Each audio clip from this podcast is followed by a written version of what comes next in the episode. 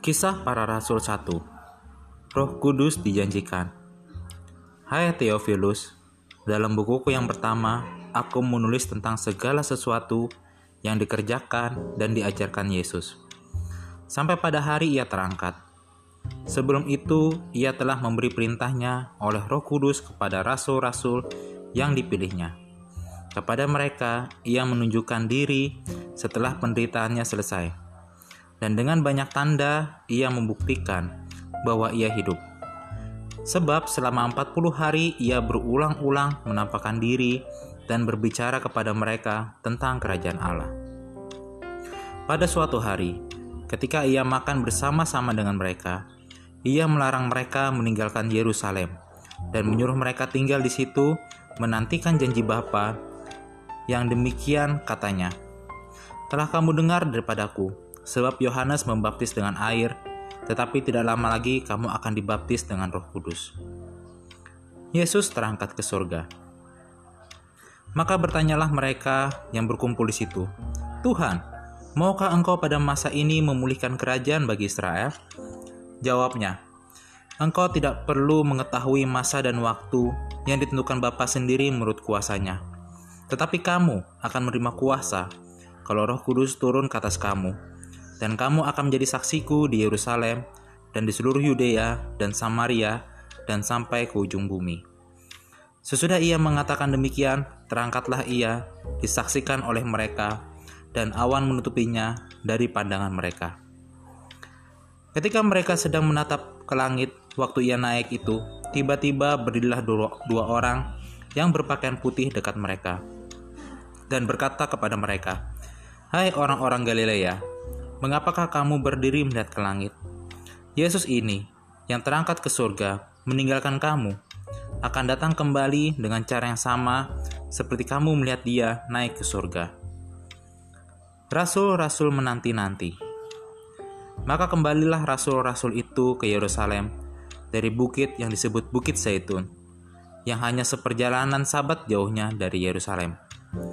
Setelah mereka tiba di kota, naiklah mereka ke ruang atas tempat mereka menumpang.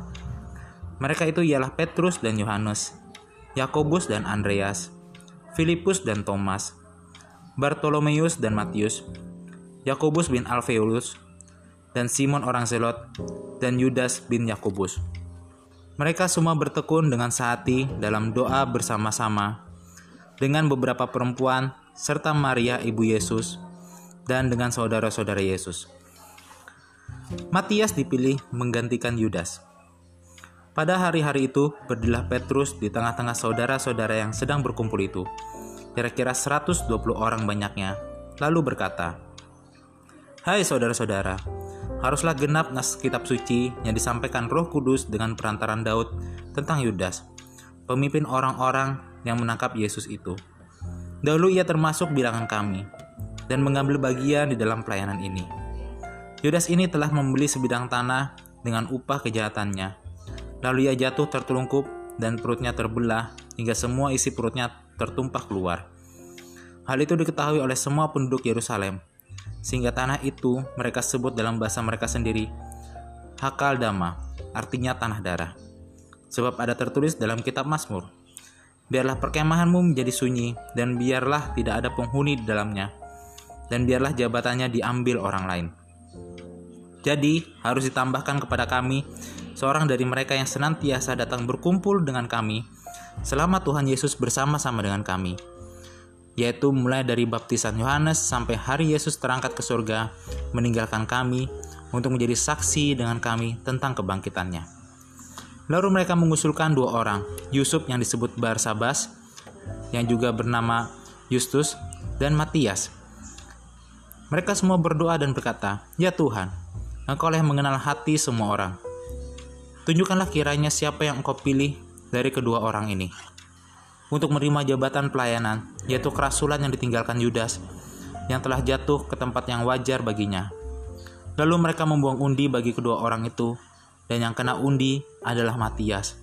Dan dengan demikian, ia ditambahkan kepada bilangan ke-11 rasul itu. Amin.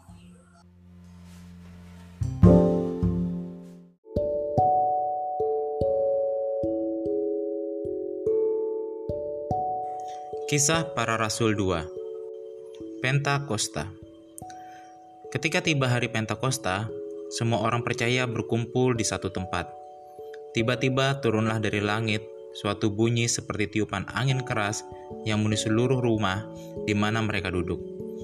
Dan tampaklah kepada mereka lidah-lidah seperti nyala api yang bertebaran dan hinggap pada mereka masing-masing. Maka penuhlah mereka dengan roh kudus Lalu mereka mulai berkata-kata dalam bahasa-bahasa lain, seperti yang diberikan oleh roh itu kepada mereka untuk mengatakannya. Waktu itu di Yerusalem, diam orang-orang Yahudi yang saleh dari segala bangsa di bawah kolong langit. Ketika turun bunyi itu, berkerumunlah orang banyak. Mereka bingung, karena mereka masing-masing mendengar rasul-rasul itu berkata-kata dalam bahasa mereka sendiri. Mereka semua tercengang-cengang dan heran, lalu berkata, Bukankah mereka semua yang berkata-kata itu orang Galilea? Bagaimana mungkin kita masing-masing mendengar mereka berkata-kata dalam bahasa kita sendiri, yaitu bahasa yang kita pakai di negeri asal kita? Kita orang Partia, Media, Elam, penduduk Mesopotamia, Yudea, dan Kapadokia, Pontus dan Asia, Frigia dan Pamfilia, Mesir dan daerah-daerah Libya, yang berdekatan dengan Kirene, pendatang-pendatang dari Roma, baik orang Yahudi maupun penganut agama Yahudi, orang Kreta, dan orang Arab. Kita mendengar mereka berkata-kata dalam bahasa kita sendiri tentang perbuatan-perbuatan besar yang dilakukan Allah. Mereka semua tercengang-cengang dan sangat termangu-mangu sambil berkata seorang kepada yang lain, "Apakah artinya ini?" Tetapi orang lain menyindir mereka sedang mabuk oleh anggur manis. Khotbah Petrus. Maka bangkitlah Petrus berdiri dengan kesebelas rasul itu, dan dengan suara nyaring ia berkata pada mereka, Hai kamu, orang Yahudi, dan kamu semua yang tinggal di Yerusalem, ketahuilah dan camkanlah perkataanku ini. Orang-orang ini tidak mabuk seperti yang kamu sangka, karena hari baru pukul sembilan. Tetapi itulah yang difirmankan Allah dengan perantara Nabi Yoel. Akan terjadi pada hari-hari terakhir, Demikianlah firman Allah, bahwa aku akan mencurahkan rohku ke atas semua manusia, maka anak-anakmu laki-laki dan perempuan akan bernubuat, dan teruna-terunamu akan mendapatkan penglihatan-penglihatan, dan orang-orangmu yang tua akan mendapat mimpi. Juga ke atas hamba-hambaku, laki-laki dan perempuan, akan kucurahkan rohku pada hari itu. Dan mereka akan bernubuat. Dan aku akan mengadakan mujizat-mujizat di atas, di langit dan tanda-tanda di bawah, di bumi darah dan api, dan gumpalan-gumpalan asap. Matahari akan berubah menjadi gelap gulita, dan bulan menjadi darah sebelum datangnya hari Tuhan, hari yang besar dan mulia itu. Dan barang siapa yang berseru pada nama Tuhan akan diselamatkan. Hai orang-orang Israel, dengarlah perkataan ini.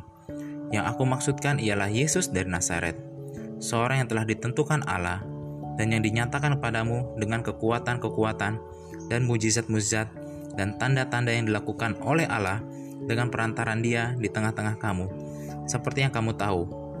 Dia yang diserahkan Allah menurut maksud dan rencananya telah kamu salibkan dan kamu bunuh oleh tangan bangsa-bangsa durhaka.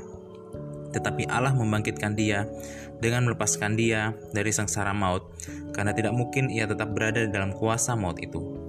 Sebab Daud berkata tentang dia, Aku senantiasa memandang kepada Tuhan, karena ia berdiri di sebelah kananku, aku tidak goyah. Sebab itu hatiku bersuka cita dan jiwaku bersorak-sorak. Tubuh bahkan tubuhku akan diam dengan tentram. Sebab engkau tidak menyerahkan aku kepada dunia orang mati dan tidak membiarkan orang kudusmu melihat kebinasaan. Engkau memberitahukan kepadaku jalan kehidupan. Engkau akan melimpah aku dengan sukacita di hadapanmu. Saudara-saudara, aku boleh berkata-kata dengan terus terang kepada kamu tentang Daud, Bapa bangsa kita. Ia telah mati dan dikubur, dan kuburannya masih ada pada kita sampai hari ini. Tetapi ia adalah seorang nabi, dan ia tahu bahwa Allah telah berjanji kepadanya dengan mengangkat sumpah bahwa ia akan mendudukan seorang dari keturunan Daud sendiri di atas tahtanya. Karena itu ia telah melihat ke depan dan telah berbicara tentang kebangkitan Mesias ketika ia mengatakan bahwa dia tidak ditinggalkan di dalam dunia orang mati dan bahwa dagingnya tidak mengalami kebinasaan. Yesus inilah yang dibangkitkan Allah, dan tentang hal itu kami semua adalah saksi. Dan sesudah ia ditinggikan oleh tangan kanan Allah dan menerima roh kudus yang dijanjikannya itu, maka dicurahkannya apa yang kamu lihat dan dengar di sini. Sebab bukan Daud yang naik ke surga, malah Daud sendiri berkata, Tuhan telah berfirman kepada Tuanku, Duduklah di sebelah kananku sampai kubuat musuh-musuhmu menjadi tumpuan kakimu. Jadi seluruh kaum Israel harus tahu dengan pasti bahwa Allah telah membuat Yesus yang kamu salibkan itu menjadi Tuhan dan Kristus. Ketika mereka mendengar hal itu, hati mereka sangat terharu. Lalu mereka bertanya kepada Petrus dan rasul-rasul yang lain, Apakah yang harus kami perbuat, saudara-saudara? Jawab Petrus pada mereka, Bertobatlah, dan hendaklah kamu masing-masing memberi mau dibaptis dalam nama Yesus Kristus untuk pengampunan dosamu, maka kamu akan menerima karunia Roh Kudus. Sebab bagi kamulah janji itu dan bagi anak-anakmu dan bagi orang yang masih jauh, yaitu sebanyak yang dipanggil oleh Tuhan Allah kita. Dan dengan banyak perkataan lain lagi, ia memberi suatu kesaksian yang sungguh-sungguh dan ia mengecam dan menasihati mereka katanya, Berilah dirimu diselamatkan dari angkatan yang jahat ini. Cara hidup jemaat yang pertama Orang-orang yang menerima perkataan itu memberi diri, dibaptis dan pada hari itu jumlah mereka bertambah kira-kira 3.000 jiwa. Mereka bertekun dalam pengajaran rasul-rasul dan dalam persekutuan, dan mereka selalu berkumpul untuk menjakan roti dan berdoa. Maka ketakutanlah mereka semua. Sedang rasul-rasul itu mengadakan banyak mujizat dan tanda, dan semua orang yang telah menjadi percaya tetap bersatu, dan segala kepunyaan mereka adalah kepunyaan bersama. Dan selalu ada dari mereka yang menjual harta miliknya, lalu membagi-bagikannya kepada semua orang sesuai dengan keperluan masing-masing. Dengan bertekun dan dengan sehati, mereka berkumpul tiap-tiap hari dalam bait Allah. Mereka memecahkan roti di rumah masing-masing secara bergilir dan makan bersama-sama dengan gembira dan dengan hati tulus. Sambil memuji Allah dan mereka disukai semua orang dan tiap-tiap hari Tuhan menambah jumlah mereka dengan orang yang diselamatkan. Amin.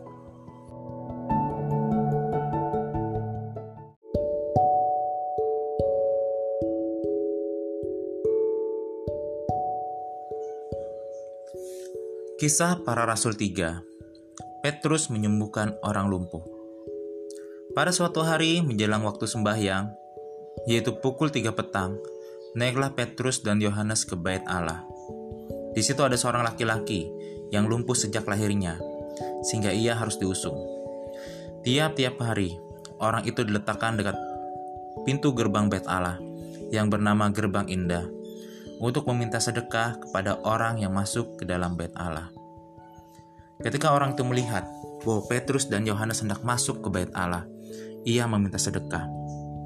Mereka menatap dia dan Petrus berkata, Lihatlah kepada kami.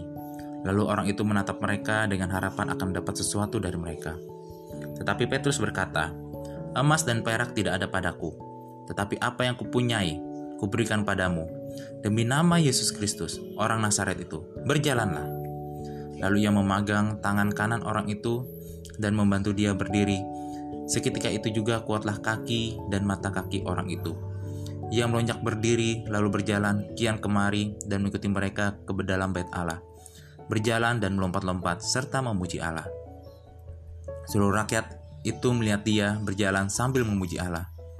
Lalu mereka mengenal dia sebagai orang yang biasanya duduk meminta sedekah di gerbang indah bait Allah, sehingga mereka takjub dan tercengang tentang apa yang terjadi padanya. Khotbah Petrus diserambi Salomo. Karena orang itu tetap mengikuti Petrus dan Yohanes, maka seluruh orang banyak yang sangat keheranan itu datang mengurumi di mereka di serambi yang disebut Sarimbi Salomo. Petrus melihat orang banyak itu lalu berkata, Hai orang-orang Israel, mengapa kamu heran tentang kejadian itu? Dan mengapa kamu menatap kami seolah-olah kami membuat orang ini berjalan karena kuasa atau kesalahan kami sendiri?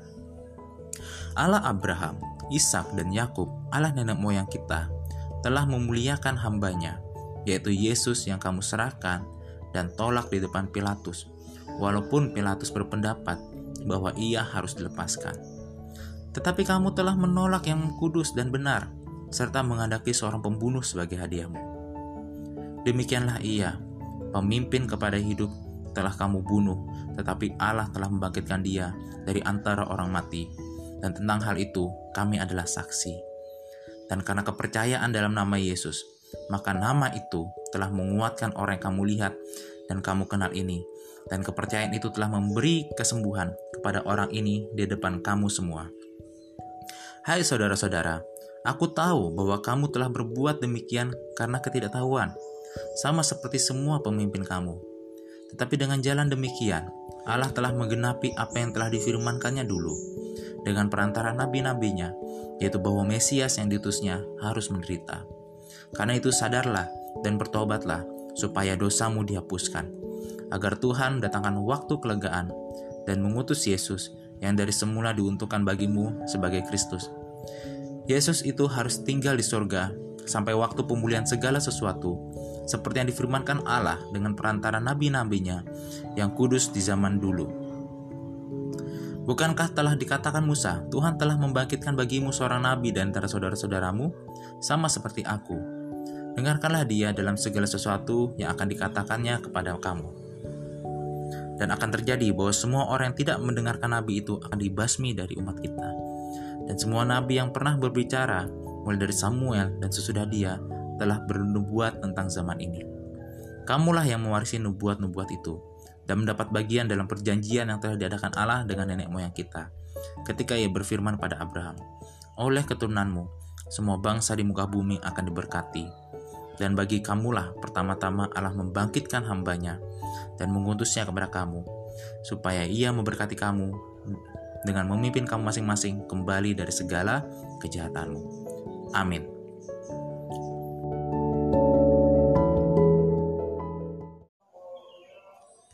Kisah para Rasul 4 Petrus dan Yohanes di hadapan mahkamah agama Ketika Petrus dan Yohanes sedang berbicara kepada orang banyak, mereka tiba-tiba didatangi imam-imam dan kepala pengawal bait Allah, serta orang-orang Saduki. Orang itu sangat marah karena mereka mengajar orang banyak dan memberitakan bahwa dalam nama Yesus ada kebangkitan dari antara orang mati. Mereka ditangkap dan diserahkan ke dalam tahanan, sampai keesokan harinya, karena hari telah malam.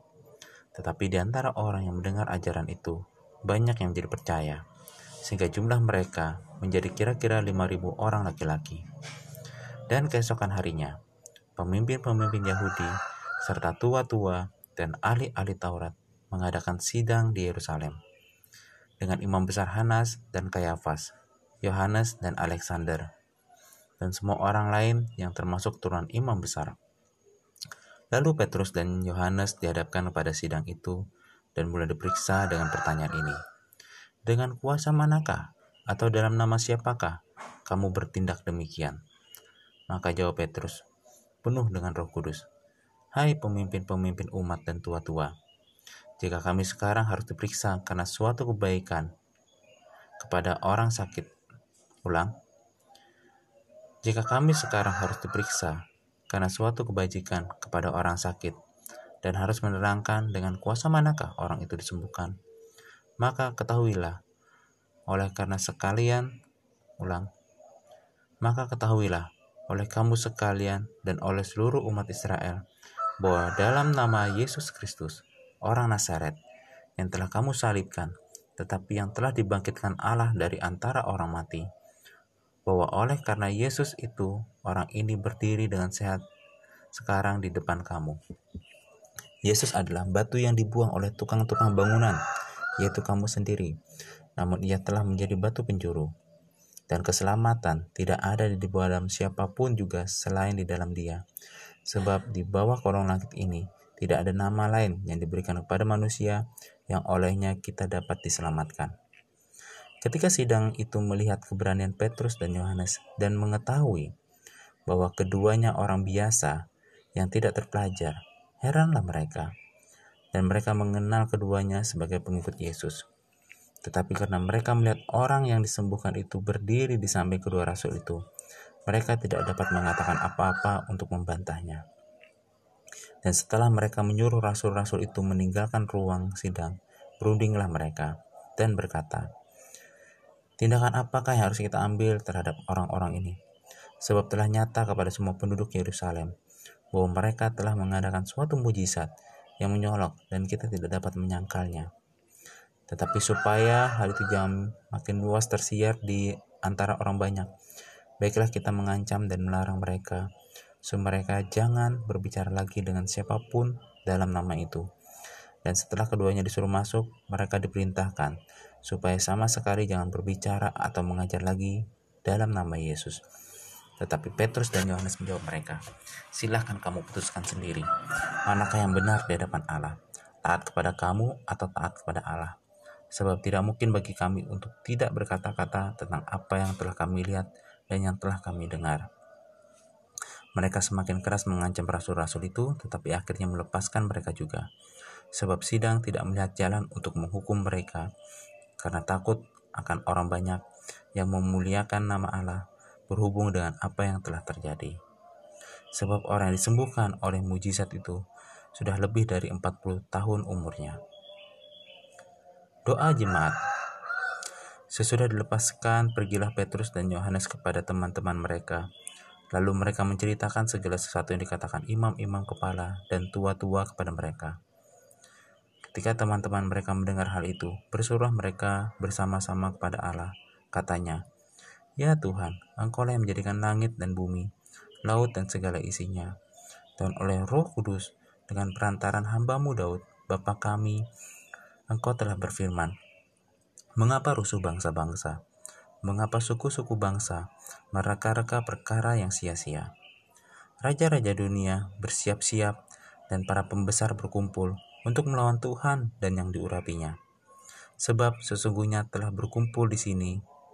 Ulang, sebab sesungguhnya telah berkumpul di dalam kota ini Herodes dan Pontius Pilatus beserta bangsa-bangsa dan suku-suku bangsa Israel melawan Yesus, hambamu yang kudus, yang kau urapi, untuk melaksanakan segala sesuatu yang telah kau tentukan dari semula oleh kuasa dan kehendakmu. Dan sekarang, ya Tuhan, Lihatlah bagaimana mereka mengancam kami, dan berikanlah kepada hamba-hambamu keberanian untuk memberitakan firman-Mu. Ulurkanlah tanganmu untuk menyembuhkan orang, dan adakanlah tanda-tanda dan mujizat-mujizat oleh nama Yesus, hambamu yang kudus. Dan ketika mereka sedang berdoa, goyanglah tempat mereka berkumpul itu dan mereka semua penuh dengan roh kudus. Lalu mereka memberitakan firman Allah dengan berani. Cara hidup jemaat Adapun kumpulan orang yang telah percaya itu, mereka sehati dan sejiwa, dan tidak seorang pun yang berkata bahwa sesuatu dari kepunyaannya adalah miliknya sendiri, tetapi segala sesuatu adalah kepunyaan mereka bersama. Dan dengan kuasa yang besar, rasul-rasul memberi kesaksian tentang kebangkitan Tuhan Yesus, dan mereka semua hidup dalam kasih karunia yang berlimpah-limpah. Sebab tidak so ada seorang pun yang berkekurangan di antara mereka, karena semua orang yang punya tanah atau rumah menjual kepunyaannya itu dan hasil penjualan itu mereka bawa dan mereka letakkan di depan kaki rasul-rasul lalu dibagi-bagikan kepada setiap orang sesuai dengan keperluannya. Demikian pula dengan Yusuf yang oleh rasul-rasul disebut Barnabas artinya anak penghiburan. Seorang Lewi dari Siprus yang menjual ladang miliknya lalu membawa uangnya itu untuk meletakkannya depan kaki rasul-rasul. Amin. Kisah para rasul Ananias dan Safira Ada seorang lain yang bernama Ananias. Ia beserta istrinya Safira menjual sebidang tanah. Dengan setahu istrinya, ia menahan sebagian dari hasil penjualan itu dan sebagian lain dibawa dan diletakkan di depan kaki rasul-rasul. Tapi Petrus berkata, Ananias, mengapa hatimu dikuasai iblis, sehingga engkau mendustai roh kudus dan menahan sebagian dari hasil penjualan tanah itu? Selama tanah itu tidak dijual, bukankah itu tetap kepunyaanmu?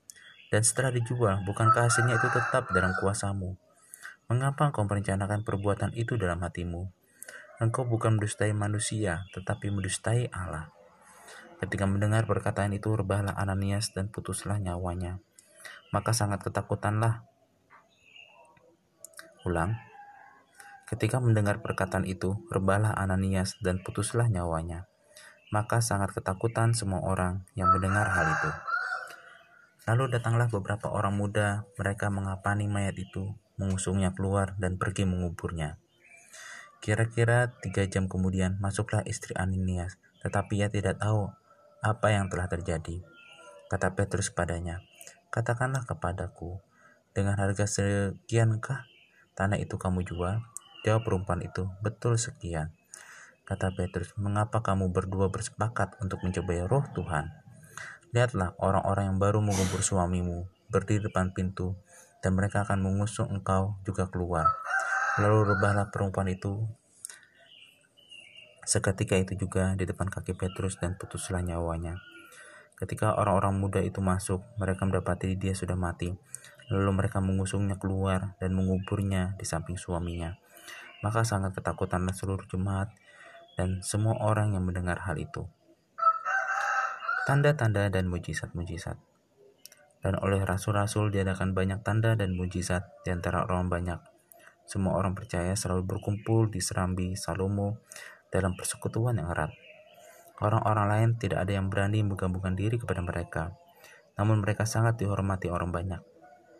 Dan makin lama makin bertambahlah jumlah orang yang percaya kepada Tuhan, baik laki-laki maupun perempuan.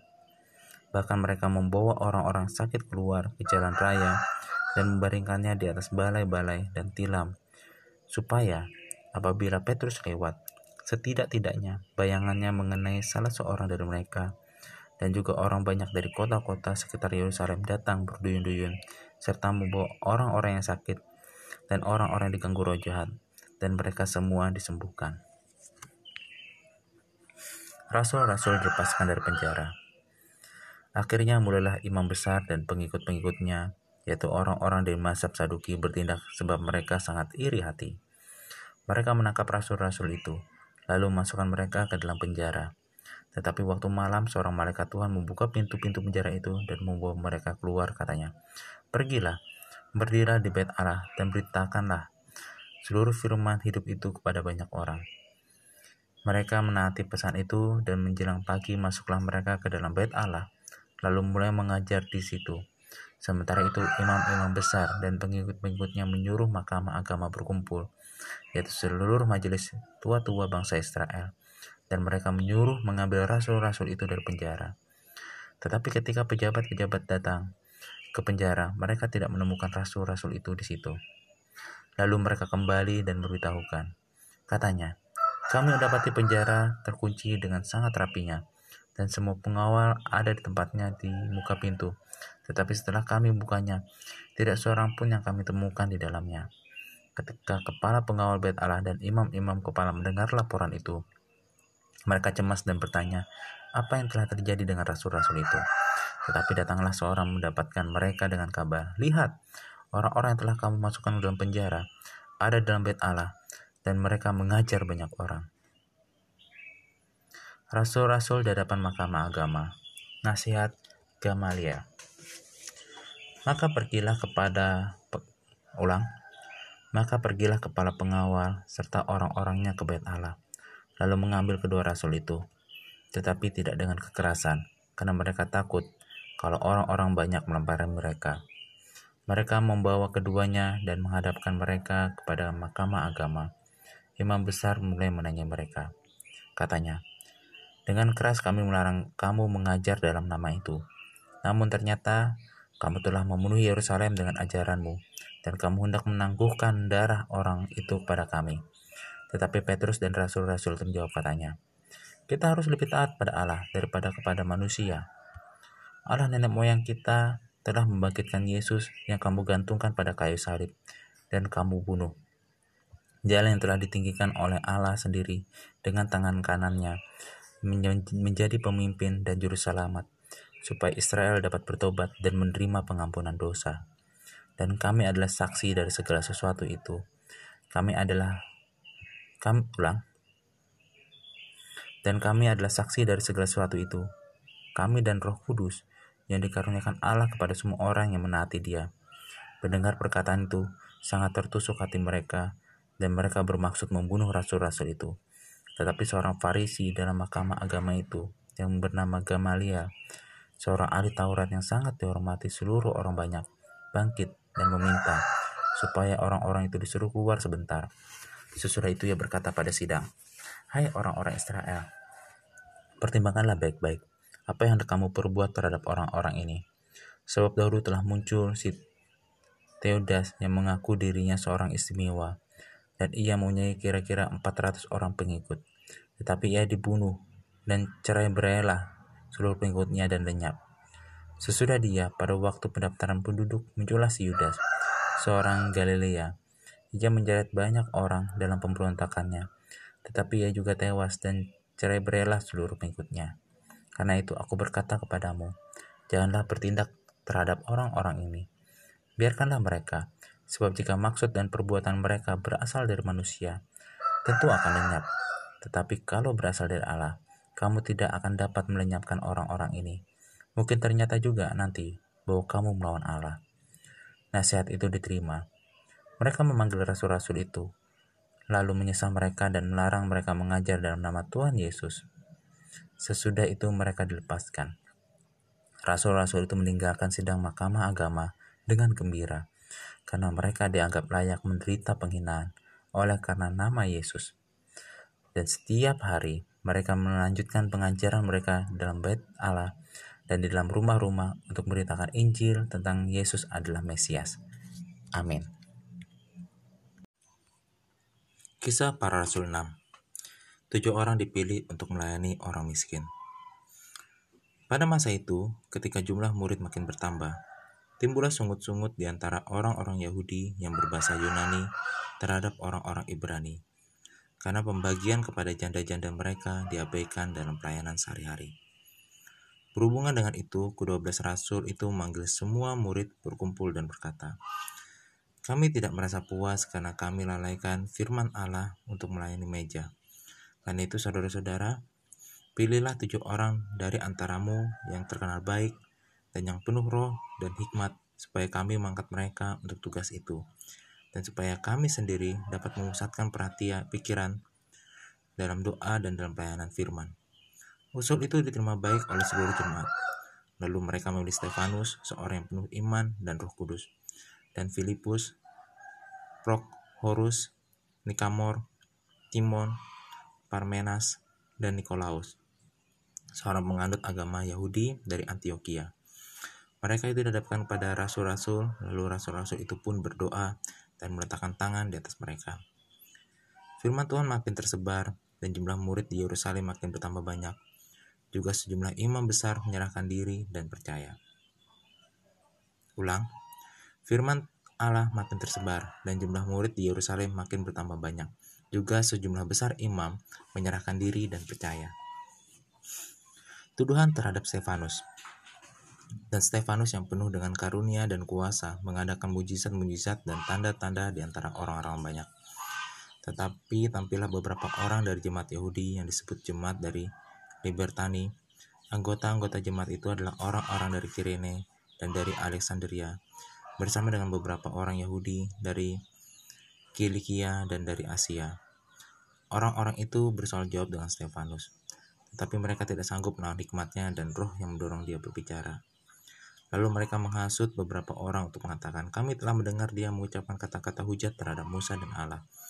Dengan jalan demikian, mereka mengadakan suatu gerakan di antara orang-orang banyak serta tua-tua dan ahli-ahli Taurat, mereka menyergap Stefanus dan menyeretnya dan membawanya ke hadapan mahkamah agama. Lalu mereka mengajukan saksi-saksi palsu dan lalu mereka ulang lalu mereka memajukan saksi-saksi palsu yang berkata, Orang ini terus-menerus mengucapkan perkataan yang menghina tempat kudus ini dan hukum Taurat. Sebab kami telah mendengar dia mengatakan bahwa Yesus, orang Nazaret itu, akan merubuhkan tempat ini dan mengubah adat istiadat yang diwariskan oleh Musa kepada kita. Semua orang yang duduk di dalam sidang mahkamah agama itu menatap Stefanus. Lalu mereka melihat muka Stefanus sama seperti muka seorang malaikat. Amin. Kisah para Rasul 7 Pembelaan Stefanus Kata imam besar, Benarkah demikian? Jawab Stefanus. Hai saudara-saudara dan bapak-bapak, dengarkanlah. Allah yang Maha Kuasa telah menampakkan dirinya kepada bapa leluhur kita, Abraham, ketika ia masih di Mesopotamia, sebelum ia menetap di Haran, dan berfirman kepadanya, Keluarlah dari negerimu dan dari sanak saudaramu dan pergilah ke negeri yang akan kutunjukkan padamu. Maka keluarlah ia dari negeri orang Kastim, lalu menetap di Haran. Dan setelah ayahnya meninggal, Allah menyuruh dia pindah dari situ ke tanah ini, tempat kamu diam sekarang. Dan di situ Allah telah memberikan milik pusaka kepadanya. Bahkan setapak tanah pun tidak. Ulang. Dan di situ Allah tidak memberikan milik pusaka kepadanya. Bahkan setapak tanah pun tidak. Tetapi ia berjanji akan memberikan tanah itu kepadanya menjadi kepunyaannya dan kepunyaan keturunannya walaupun pada waktu itu ia tidak mempunyai anak. Beginilah firman Tuhan. Ulang, beginilah firman Allah, yaitu bahwa keturunannya akan menjadi pendatang di negeri asing, dan bahwa mereka akan diperbudak dan dianiaya 400 tahun lamanya. Tapi bangsa yang akan memperbudak mereka itu akan kuhukum. Firman Allah. Dan sesudah itu mereka akan keluar dari situ dan beribadah kepadaku di tempat ini. Lalu Allah memberikan kepadanya perjanjian sunat. Dan demikianlah Abraham memperanakan Ishak, lalu menyunatkannya pada hari yang ke-8. Dan Ishak memperanakan Yakub. Yakub memperanakan kedua belas bapak leluhur kita. Karena iri hati, bapak-bapak leluhur kita menjual Yusuf ke tanah Mesir, tetapi Allah menyertai dia dan melepaskannya dari segala penindasan serta menganugerahkan kepadanya kasih karunia dan nikmat.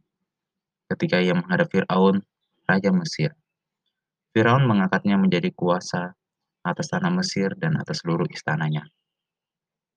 Maka datanglah bahaya kelaparan menimpa seluruh tanah Mesir dan tanah Kanaan, serta penderitaan yang besar, sehingga nenek moyang kita tidak mendapat makanan. Tetapi ketika Yakub mendengar bahwa tanah Mesir ada gandum, ia menyuruh nenek moyang kita ke sana. Itulah kunjungan mereka yang pertama. Pada kunjungan mereka yang kedua, Yusuf memperkenalkan dirinya kepada saudara-saudaranya. Lalu ketahuanlah asal-usul Yusuf pada Firaun. Kemudian Yusuf menyuruh menjemput Yakub ayahnya dan semua sanak saudaranya, 75 jiwa banyaknya. Lalu pergilah Yakub ke tanah Mesir. Di situ ia meninggal, ia dan nenek moyang kita mayat mereka dipindahkan ke Sikem dan diletakkan di dalam kuburan yang telah dibeli Abraham dengan sejumlah uang perak dari anak-anak Emor di Sikem. Tetapi makin dekat genapnya janji yang diberikan Allah pada Abraham, makin bertambah banyaklah bangsa itu di Mesir. Sampai bangkit seorang raja lain memerintah tanah Mesir, seorang yang tidak mengenal Yusuf. Raja itu mempergunakan tipu daya terhadap bangsa kita dan menganiaya nenek moyang kita, serta menyuruh membuang bayi mereka, supaya bangsa kita itu jangan berkembang. Pada waktu itulah Musa lahir, dan ia elok di mata Allah. Tiga bulan namanya ia diasuh di rumah ayahnya. Lalu dibuang. Tetapi putri Fir'aun memungutnya dan menyuruh mengasuhnya seperti anaknya sendiri. Dan Musa dididik dalam segala hikmat orang Mesir, dan ia berkuasa dalam perkataan dan perbuatan. Pada waktu ia berumur 40 tahun, timbullah keinginan dalam hatinya untuk mengunjungi saudara-saudaranya, yaitu orang-orang Israel. Ketika itu, ia melihat seorang dianiaya oleh orang Mesir. Lalu ia menolong dan membela orang itu dengan membunuh orang Mesir itu. Pada sangkanya, saudara-saudaranya akan mengerti bahwa Allah memakai dia untuk menyelamatkan mereka. Tetapi mereka tidak mengerti. Pada keesokan harinya, ia muncul pula ketika dua orang Israel sedang berkelahi. Lalu ia berusaha mendamaikan mereka. Katanya, Saudara-saudara, bukankah kamu ini bersaudara? Mengapa kamu saling menganiaya? Tetapi orang yang berbuat salah kepada ya, temannya itu menolak Musa dan berkata, Siapakah yang mengangkat engkau menjadi pemimpin dan hakim atas kami? Apakah engkau bermaksud membunuh aku sama seperti kemarin engkau membunuh orang Mesir itu? Mendengar perkataan itu Musa dan hidup sebatang pulang, mendengar perkataan itu, larilah Musa dan hidup sebagai pendatang di tanah Midian. Di situ ia memperanakan dua orang anak laki-laki.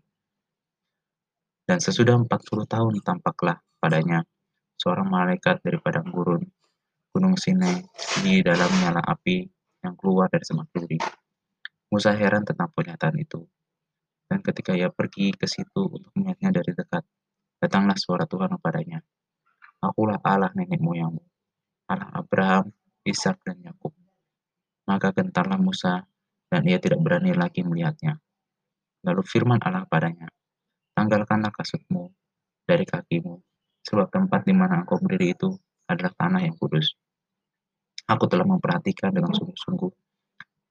Ulang, aku telah memperhatikan dengan sungguh kesesaran umatku di tanah Mesir, dan aku telah mendengar keluh kesah mereka dan aku telah turun untuk melepaskan mereka. Karena itu, marilah engkau akan kuutus ke tanah Mesir. Musa ini telah mereka tolak dengan mengatakan, siapakah yang mengangkat engkau menjadi pemimpin dan hakim? Musa ini juga yang diutus oleh Allah sebagai pemimpin dan penyelamat oleh malaikat yang telah menampakkan diri kepadanya di semak duri itu.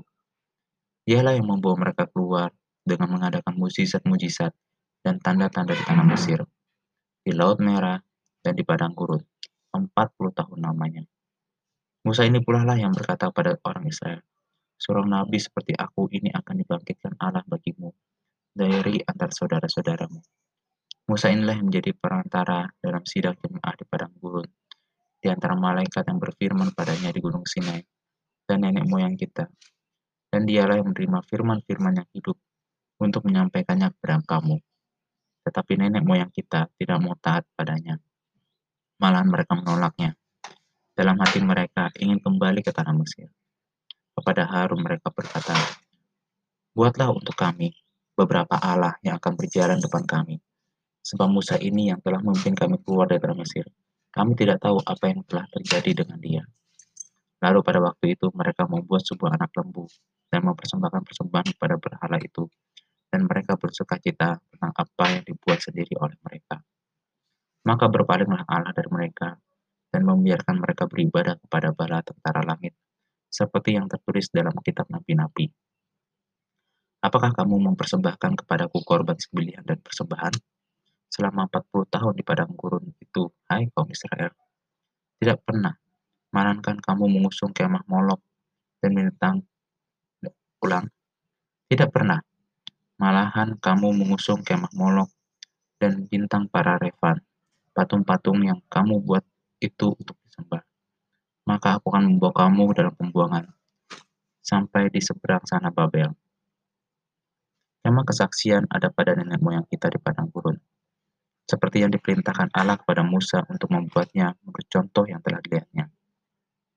Kemah itu yang diterima nenek moyang kita dan yang dengan pimpinan Yosua dibawa masuk ke tanah ini, yaitu waktu tanah ini direbut dari bangsa-bangsa lain yang dihalau Allah dari depan nenek moyang kita.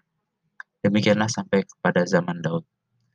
Daud telah mendapat kasih karunia di hadapan Allah, dan ia memohon supaya diperkenankan untuk memberikan suatu tempat kediaman bagi Allah Yakub. Tetapi Salomo yang mendirikan sebuah rumah untuk Allah tetapi yang maha tinggi tidak diam di sana. Ulang, tetapi yang maha tinggi tidak diam di dalam apa yang dibuat oleh tangan manusia. Seperti yang dikatakan oleh Nabi. Langit adalah tahtaku, dan bumi adalah tumpuan kakiku. Rumah apakah yang akan kamu dirikan bagiku? Demikian firman Tuhan Allah. Ulang, langit adalah tahtaku, dan bumi adalah tumpuan kakiku. Rumah apakah yang akan kamu dirikan bagiku? Demikian firman Tuhan. Tempat apakah yang akan menjadi perhentianku? Bukankah tanganku sendiri yang membuat semuanya ini? Hai orang-orang keras kepala dan tidak bersunat hati dan telinga, kamu selalu menentang roh kudus, sama seperti nenek moyangmu. Demikian juga kamu, siapakah dari nabi-nabi yang tidak didaniaya oleh nenek moyangmu? Bahkan mereka membunuh orang-orang yang lebih dahulu memberitakan tentang kedatangan orang benar yang sekarang telah kamu kianati dan kamu bunuh. Kamu telah menerima hukum Taurat yang disampaikan oleh malaikat-malaikat, akan tetapi kamu tidak mengurutinya. Stefanus dibunuh, Saulus hadir. Ketika anggota-anggota mahkamah agama itu mendengar semuanya itu, sangat tertusuk hati mereka. Maka mereka menyambutnya dengan keretakan gigi.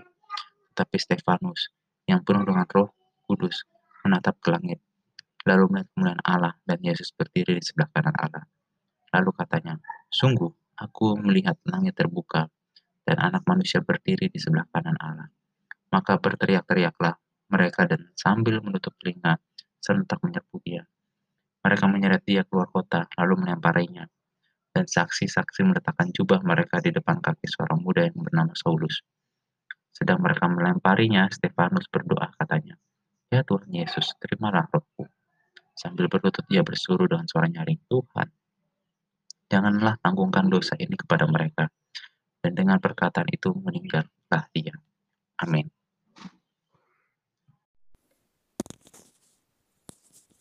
Kisah para Rasul 8 Saulus juga setuju bahwa Stefanus mati dibunuh. Penganiayaan terhadap jemaat di Yerusalem. Pada waktu itu, mulailah penganiayaan yang hebat terhadap jemaat di Yerusalem. Mereka semua, kecuali rasul-rasul, tersebar ke seluruh daerah Yudea dan Samaria. Orang-orang saleh menguburkan mayat Stefanus serta meratapinya dengan sangat. Tetapi Saulus berusaha membinasakan jemaat itu dan ia masuki rumah demi rumah dan menyeret laki-laki dan perempuan keluar dan memindahkan mereka untuk dimasukkan ke dalam penjara. Filipus di Samaria. Mereka yang tersebar itu menjelajahi seluruh negeri itu sambil memberitakan Injil. Dan Filipus pergi ke satu kota di Samaria dan memberitakan Mesias kepada orang-orang di situ. Ketika orang banyak mendengar pemberitaan Filipus dan melihat tanda-tanda yang diadakannya, mereka semua dengan bulat hati menerima apa yang diberitakannya itu. Sebab dari banyak orang yang kerasukan roh jahat, keluarlah roh-roh itu sambil berseru dengan suara keras. Dan banyak juga orang lumpuh dan orang timpang yang disembuhkan. Maka sangatlah besar sukacita dalam kota itu. Seorang yang bernama Simon telah sejak dahulu melakukan sihir di kota itu dan mentakjubkan rakyat Samaria serta berlagak seolah-olah ia seorang yang sangat penting.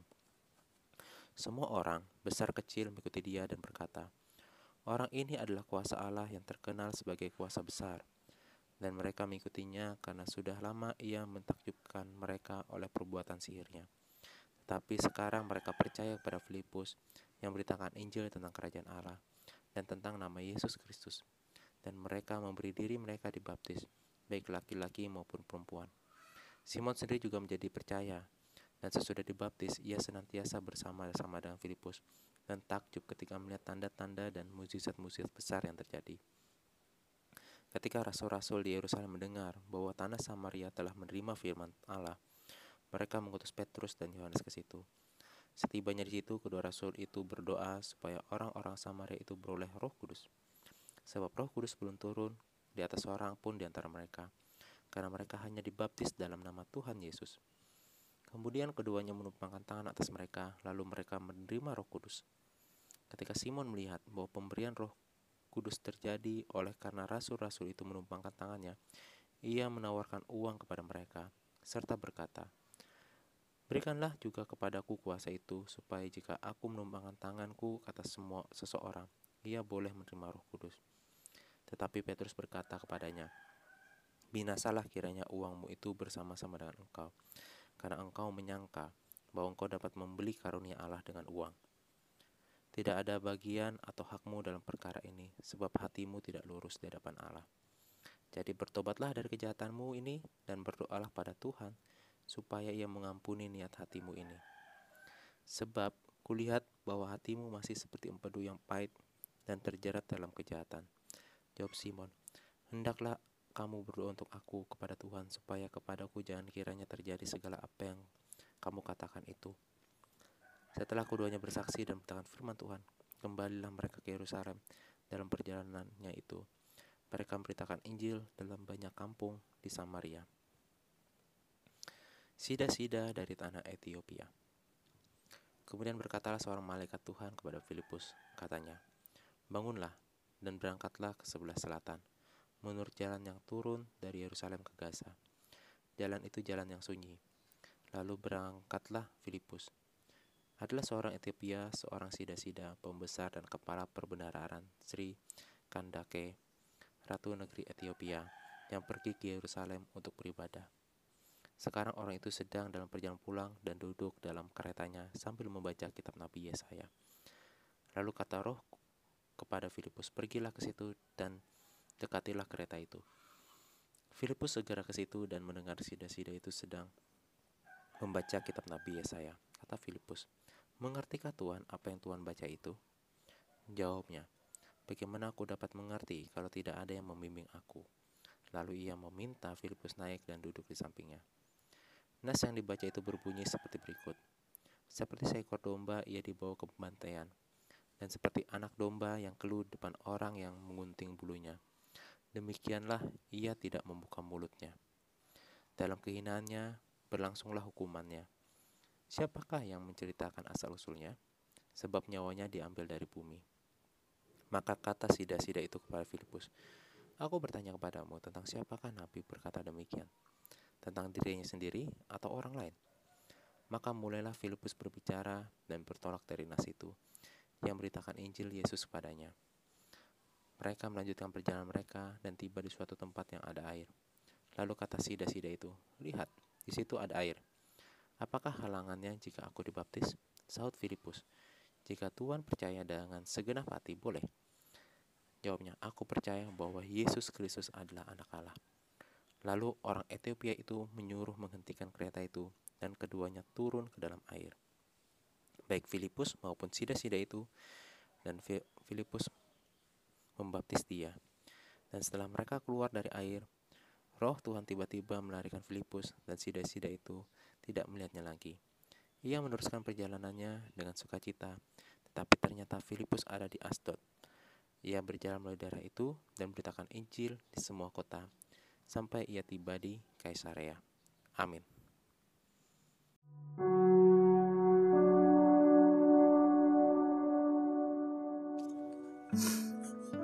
Kisah para Rasul 9 Saulus bertobat Sementara itu berkobar-kobar hati Saulus untuk mengancam dan membunuh murid-murid Tuhan. Ia menghadap imam besar, dan meminta surat kuasa daripadanya untuk membawa kepada majelis-majelis Yahudi di Damsyik, supaya jika ia menemukan laki-laki atau perempuan yang mengikuti jalan Tuhan, ia menangkap mereka dan membawa mereka ke Yerusalem. Dalam perjalanannya ke Damsyik, ketika ia sedang dekat kota itu, tiba-tiba cahaya memancar dari langit mengelilingi dia. Ia rebah ke tanah dan kedengarlah olehnya suatu suara yang berkata kepadanya, Saulus, Saulus, Mengapakah engkau menganiaya aku? Jawab Saulus, Siapakah engkau, Tuhan? Katanya, Akulah Yesus yang kau aniaya itu. Tetapi bangunlah dan pergilah ke dalam kota. Di sana akan dikatakan kepadamu apa yang harus kau perbuat. Maka termangu-mangulah teman-temannya seperjalanan, karena mereka memang mendengar suara itu, tetapi tidak melihat seorang juga pun. Saulus bangun dan berdiri, lalu membuka matanya, tetapi ia tidak dapat melihat apa-apa. Mereka harus menuntun dia masuk ke Damsyik. Tiga hari lamanya ia tidak dapat melihat, dan tiga hari lamanya ia tidak makan dan minum. Di Damsyik ada seorang murid Tuhan bernama Ananias. Firman Tuhan kepadanya dalam suatu penglihatan. Ananias, jawabnya, ini aku Tuhan. Firman Tuhan, mari pergilah ke jalan yang bernama jalan lurus dan carilah di rumah Yudas, seorang dari Tarsus yang bernama Saulus. Ia sekarang berdoa, dan dalam suatu penglihatan ia melihat bahwa seorang yang bernama Ananias masuk ke dalam dan menumpangkan tangannya atasnya, supaya ia dapat melihat lagi. Jawab Ananias, Tuhan, dari banyak orang telah kudengar tentang orang itu, betapa banyaknya kejahatan yang dilakukannya terhadap orang-orang kudusmu di Yerusalem. Dan ia datang kemari dengan kuasa penuh dari imam-imam kepala untuk menangkap semua orang yang memanggil namamu. Tetapi firman Tuhan kepadanya, "Pergilah, sebab orang ini adalah alat pilihan bagiku untuk memberitakan namaku kepada bangsa-bangsa lain, serta raja-raja dan orang-orang Israel. Aku sendiri akan menunjukkan padanya betapa banyak penderitaan yang harus ia tanggung oleh karena namaku." Lalu pergilah Ananias ke situ dan masuk ke rumah itu. Ia menumpangkan tangannya ke atas Saulus, katanya, Saulus saudaraku, Tuhan Yesus yang telah menampakkan diri kepadamu di jalan yang kau lalui, telah menyuruh aku kepadamu supaya engkau dapat melihat lagi dan penuh dengan roh kudus. Dan ketika itu juga, seolah-olah selaput gugur dari matanya sehingga ia dapat melihat lagi. Ia bangun lalu dibaptis. Dan setelah ia makan, pulihlah kekuatannya. Saulus dalam lingkungan saudara-saudara. Saulus tinggal beberapa hari bersama dengan murid-murid di Damsik. Ketika itu juga ia memberitakan Yesus ke rumah-rumah ibadat. Ia mengatakan bahwa Yesus adalah anak Allah. Semua orang yang mendengar hal itu heran dan berkata, Bukankah dia ini yang dari Yerusalem mau membinasakan barang siapa memanggil nama Yesus ini? Dan bukankah ia datang ke sini dengan maksud untuk menangkap dan membawa mereka ke hadapan imam-imam kepala? Akan tetapi Saulus semakin besar pengaruhnya, dan ia membingungkan orang-orang Yahudi yang tinggal di Damsik, karena ia membuktikan bahwa Yesus adalah Mesias. Beberapa hari kemudian, orang Yahudi merundingkan suatu rencana untuk membunuh Saulus. Tetapi maksud jahat itu diketahui oleh Saulus. Siang malam orang-orang Yahudi mengawal semua pintu gerbang kota supaya dapat membunuh dia. Sungguh pun demikian, pada suatu malam, murid-muridnya mengambilnya dan menurunkannya dari atas tembok kota dalam sebuah keranjang. Setibanya di Yerusalem, Saulus mencoba menggabungkan diri dengan murid-murid, tetapi semuanya takut kepadanya karena mereka tidak dapat percaya bahwa ia seorang juga seorang murid. Tetapi Barnabas menerima dia dan membawanya kepada rasul-rasul dan menceritakan pada mereka bagaimana Saulus melihat Tuhan di tengah jalan dan bahwa Tuhan berbicara dengan dia dan bagaimana keberaniannya mengajar Damsik dalam nama Yesus. Dan Saulus tetap bersama-sama dengan mereka di Yerusalem dan dengan keberanian mengajar dalam nama Tuhan. Ia juga berbicara dalam soal jawab dengan orang-orang Yahudi yang berbahasa Yunani. Tetapi mereka itu berusaha membunuh dia. Akan tetapi hal itu diketahui oleh saudara-saudara anggota jemaat mereka membawa dia ke Kaisaria dan dari situ membantu dia ke Tarsus. Selama beberapa waktu jemaat di seluruh Yudea, Galilea, dan Samaria berada dalam keadaan damai. Jemaat itu dibangun dan hidup dalam takut akan Tuhan. Jumlah mereka bertambah besar oleh pertolongan dan penghiburan Roh Kudus. Petrus menyembuhkan Eneas dan membangkitkan Dorcas. Pada waktu itu, Petrus berjalan keliling mengadakan kunjungan ke mana-mana. Dalam perjalanan itu, ia singgah juga kepada orang-orang kudus yang di Lida. Di situ dapatinya seorang bernama Eneas yang telah delapan tahun terbaring di tempat tidur karena lumpuh. Kata Petrus padanya, Eneas, Yesus Kristus menyembuhkan engkau. Bangunlah dan bereskanlah tempat tidurmu. Ketika itu juga bangunlah orang itu. Semua penduduk Lida dan Saron melihat dia, Lalu mereka berbalik kepada Tuhan. Di Yope ada seorang murid perempuan bernama Tabita. Dalam bahasa Yunani Dorcas. Perempuan itu banyak sekali berbuat baik dan memberi sedekah. Tetapi pada waktu itu ia sakit lalu meninggal. Dan setelah dimandikan, mayatnya dibaringkan di ruang atas. Lida dekat dengan Yope. Ketika murid-murid mendengar bahwa Petrus ada di Lida, mereka menyuruh dua orang padanya dengan permintaan, "Segera datang ke tempat kami." Maka berkemaslah Petrus dan berangkat bersama-sama dengan mereka. Setelah sampai di sana, ia dibawa ke ruang atas, dan semua janda datang berdiri dekatnya.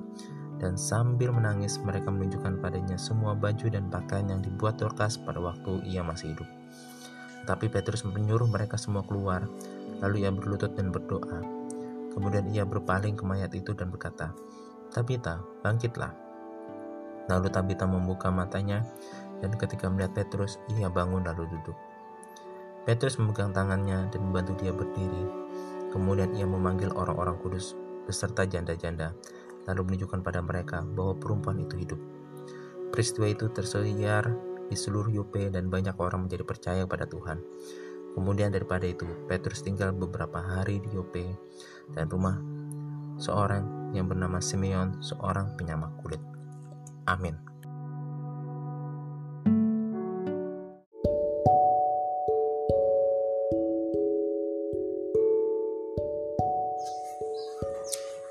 Kisah para Rasul 10 Petrus dan Cornelius Di Caesarea ada seorang bernama Cornelius, seorang perwira pasukan yang disebut pasukan Italia. Ia saleh, ia serta seisi rumahnya takut akan Allah, dan ia memberi banyak sedekah kepada umat Yahudi dan senantiasa berdoa kepada Allah. Dalam suatu penglihatan, kira-kira jam 3 petang, jelas tampak kepadanya seorang malaikat Allah masuk rumahnya dan berkata kepadanya, Cornelius. Ia menatap malaikat itu dengan takut dan ia berkata, Ada apa Tuhan?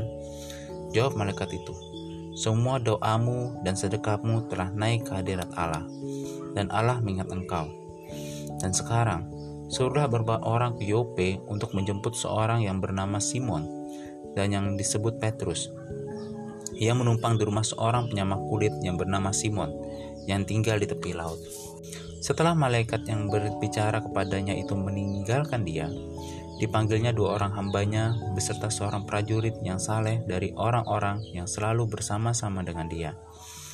Dan sesudah ia menjelaskan kepada ulang, dan sesudah ia menjelaskan segala sesuatu kepada mereka, ia menyuruh mereka ke Yope. Keesokan harinya, ketika ketiga orang itu berada dalam perjalanan dan sudah dekat kota Yope, Kira-kira pukul 12 setengah hari, naiklah Petrus ke atas rumah untuk berdoa. Ia merasa lapar dan ingin makan, tetapi sementara makanan disediakan, tiba-tiba rohnya diliputi kuasa ilahi. Tampaklah olehnya langit terbuka dan turunlah suatu benda berbentuk kain lebar yang bergantungan pada keempat sudutnya, yang diturunkan ke tanah. Di dalamnya terdapat berbagai jenis binatang berkaki empat, binatang menjalar, dan burung. Kedengarlah olehnya suatu suara yang berkata, Bangunlah hai Petrus, sembelihlah, dan makanlah. Tetapi Petrus menjawab, Tidak, Tuhan, tidak, sebab aku belum pernah makan sesuatu yang haram dan yang tidak tahir. Kedengaran pula untuk kedua kalinya suara yang berkata padanya, apa yang dinyatakan halal oleh Allah tidak boleh engkau nyatakan haram. Hal itu terjadi sampai tiga kali dan segera sesudah itu terangkatlah benda itu ke langit. Petrus bertanya-tanya dalam hatinya, apa kiranya arti penglihatan yang telah dilihatnya itu?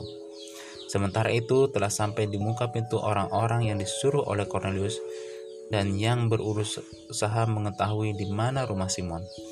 Mereka memanggil seorang dan bertanya, apakah Simon yang disebut Petrus ada menumpang di rumah itu? Dan ketika Petrus sedang berpikir tentang kelihatan itu, berkatalah roh, ada tiga orang mencari engkau. Bangunlah, turunlah ke bawah, dan berangkatlah bersama-sama dengan mereka. Jangan bimbang, sebab aku yang menyuruh mereka kemari. Lalu turunlah Petrus ke bawah dan berkata kepada orang-orang itu, Akulah yang kamu cari. Apakah maksud kedatangan kamu? Jawab mereka, Cornelius, seorang perwira yang tulus hati dan takut akan Allah, dan yang terkenal baik di antara seluruh bangsa Yahudi, telah menerima penyataan Allah dengan perantaran seorang malaikat kudus, supaya ia mengundang engkau ke rumahnya dan mendengar apa yang kau katakan. Ia mempersilahkan mereka untuk bermalam di situ. Keesokan harinya ia bangun dan berangkat bersama-sama dengan mereka, dan beberapa saudara dari Yope menyertai dia. Dan pada hari berikutnya sampailah mereka di Kaisarea Cornelius sedang menantikan mereka, dan ia telah memanggil sanak saudaranya dan sahabat-sahabatnya berkumpul. Ketika Petrus masuk, datanglah Cornelius menyambutnya, dan sambil tersungkur depan kakinya, ia menyembah Petrus. Tetapi Petrus menegakkan dia, katanya, Bangunlah, aku hanya manusia biasa. Dan sambil bercakap-cakap dengan dia, ia masuk dan mendapati banyak orang sedang berkumpul. Ia berkata pada mereka, kamu tahu berapa kerasnya larangan bagi seorang Yahudi untuk bergaul dengan orang-orang yang bukan Yahudi atau masuk ke rumah mereka. Tetapi Allah telah menunjukkan kepadaku bahwa aku tidak boleh menyebut orang najis atau tidak tahir. Itulah sebabnya aku tidak berkeberatan ketika aku dipanggil lalu datang kemari. Sekarang aku ingin tahu apa sebabnya kamu memanggil aku. Jawab Cornelius, empat hari yang lalu, kira-kira pada waktu yang sama seperti sekarang, yaitu jam 3 petang, aku sedang berdoa di rumah. Tiba-tiba ada seorang berdiri di depanku, pakaiannya berkilau-kilauan, dan ia berkata, Cornelius, doamu telah didengarkan Allah, dan sedekahmu telah diingatnya di hadapannya. Suruhlah orang Yope untuk menjemput Simon yang disebut Petrus. Ia sedang menumpang di rumah Simon, seorang penyamak kulit yang tinggal tepi laut.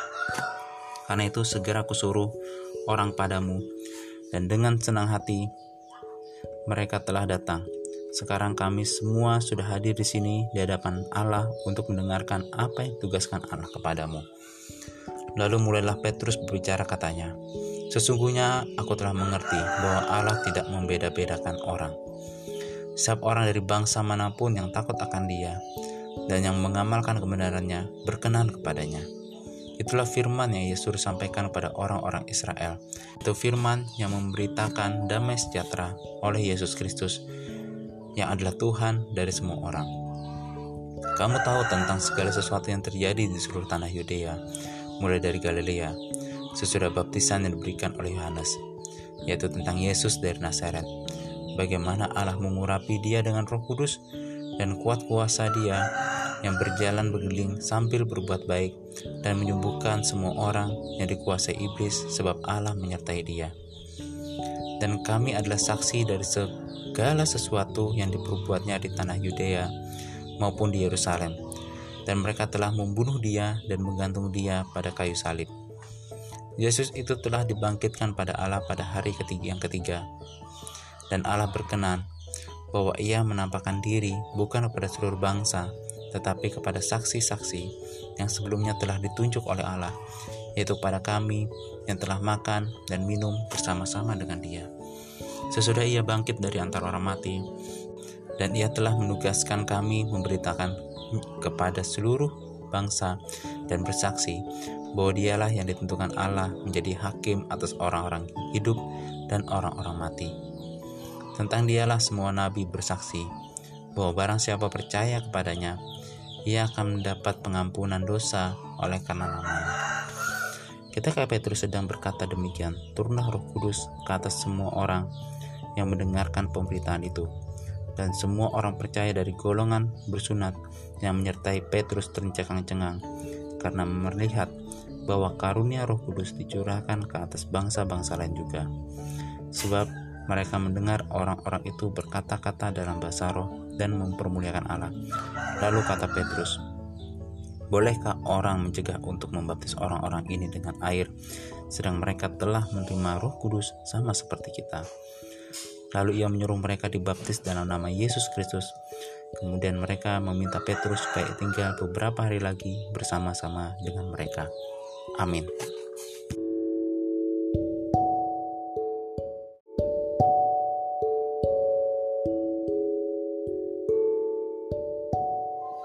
Kisah para Rasul 11 Petrus mempertanggungjawabkan baptisan Cornelius di Yerusalem.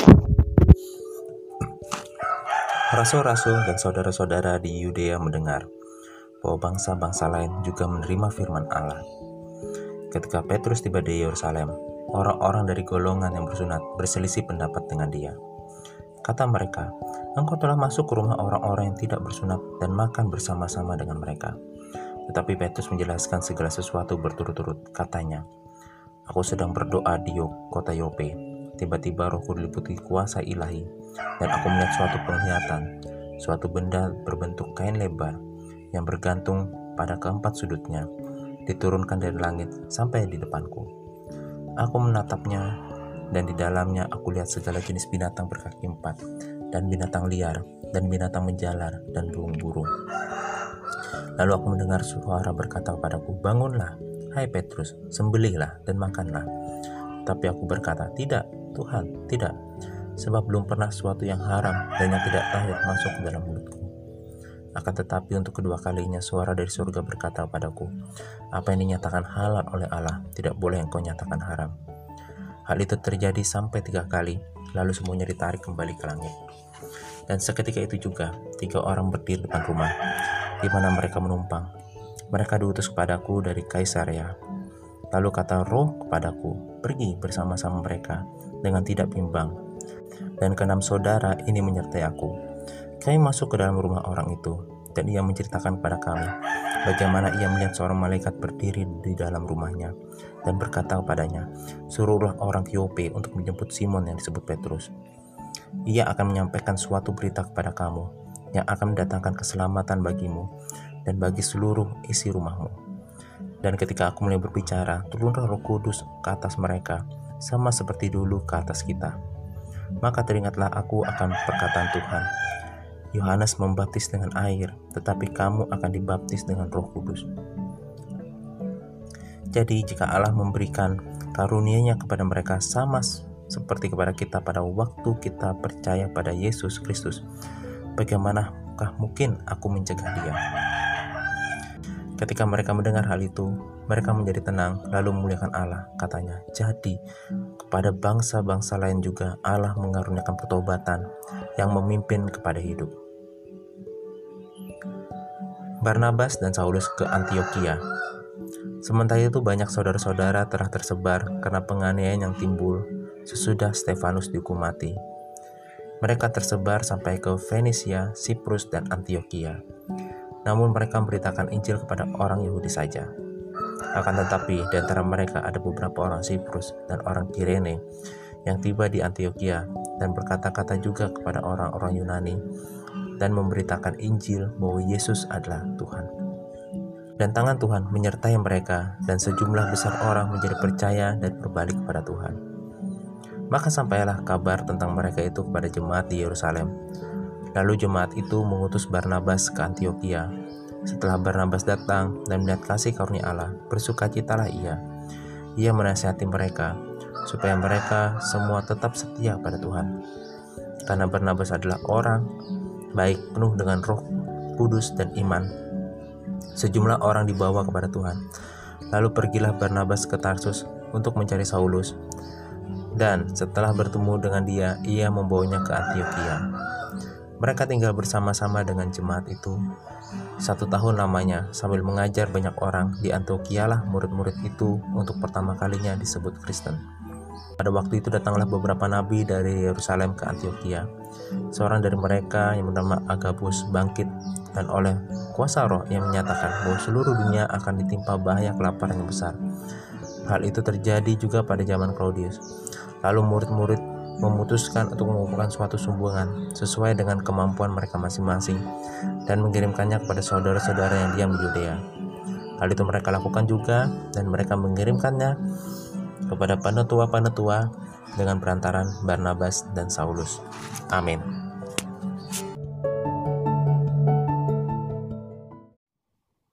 Kisah para Rasul 12 Yakobus mati, Petrus dilepaskan dari penjara. Kira-kira pada waktu itu Raja Herodes mulai bertindak dengan keras terhadap beberapa orang dari jemaat. Ia menyuruh membunuh Yakobus, saudara Yohanes, dengan pedang. Ketika ia melihat bahwa hal itu menyenangkan hati orang Yahudi, ia melanjutkan perbuatannya itu dan menyuruh menahan Petrus. Waktu itu hari raya roti tidak beragi. Setelah Petrus ditangkap, Herodes menyuruh memenjarakannya di bawah penjagaan empat regu, masing-masing terdiri dari empat prajurit.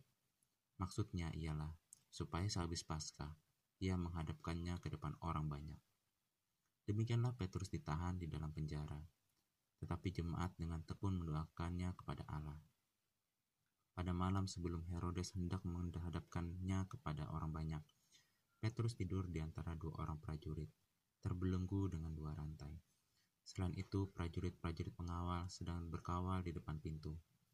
Tiba-tiba berdirilah seorang malaikat Tuhan dekat Petrus dan cahaya bersinar dalam ruang itu.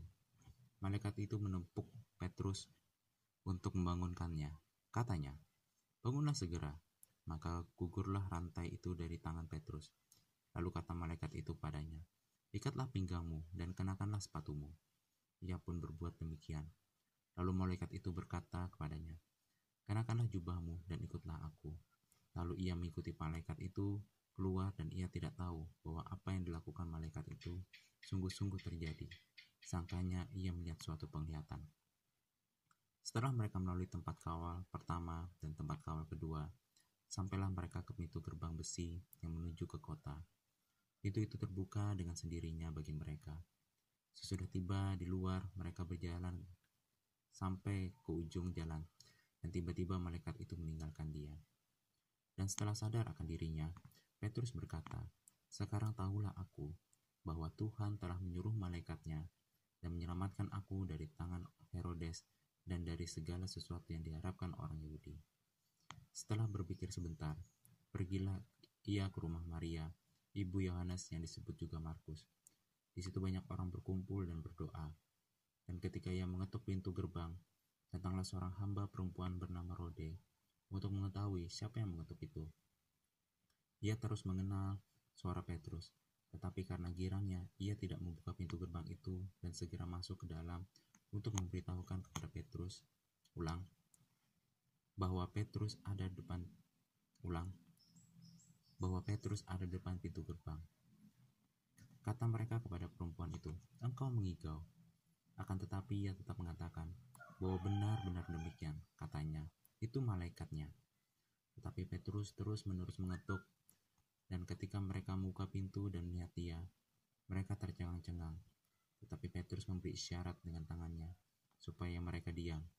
Lalu ia menceritakan bagaimana Tuhan menutupnya keluar dari penjara. Katanya, beritahukanlah hal ini kepada Yakubus dan saudara-saudara kita. Lalu ia keluar dan pergi ke tempat lain. Pada keesokan harinya gemparlah prajurit-prajurit itu. Mereka bertanya-tanya, apakah yang telah terjadi dengan Petrus? Herodes menyuruh mencari Petrus, tetapi ia tidak ditemukan. Lalu Herodes menyuruh memeriksa pengawal-pengawal itu dan membunuh mereka. Kemudian ia berangkat dari Yudea ke Kaisarea dan tinggal di situ. Herodes mati. Herodes sangat marah terhadap orang Tirus dan Sidon Atas persetujuan bersama, mereka pergi menghadap dia. Mereka berhasil membujuk Blastus, pegawai istana raja, ke pihak mereka. Lalu mereka mohonkan perdamaian, karena negeri mereka beroleh bahan makanan dari wilayah raja. Dan pada suatu hari yang ditentukan, Herodes mengenakan pakaian kerajaan, lalu duduk di atas tahta dan berbitat bit. Ulang, lalu duduk di atas tahta dan berbitat. Ulang, lalu duduk di atas tahta dan berpidato. Ulang. Berpidato. Lalu ulang. Lalu duduk di atas tahta dan berpidato kepada mereka. Dan rakyat yang bersorak membalasnya. Ini suara Allah dan bukan suara manusia. Dan seketika itu juga ia ditampar malaikat Tuhan karena ia tidak memberi hormat kepada Allah. Ia mati dimakan cacing-cacing. Barnabas dan Saulus diutus. Maka firman Tuhan makin tersebar dan makin banyak didengar orang.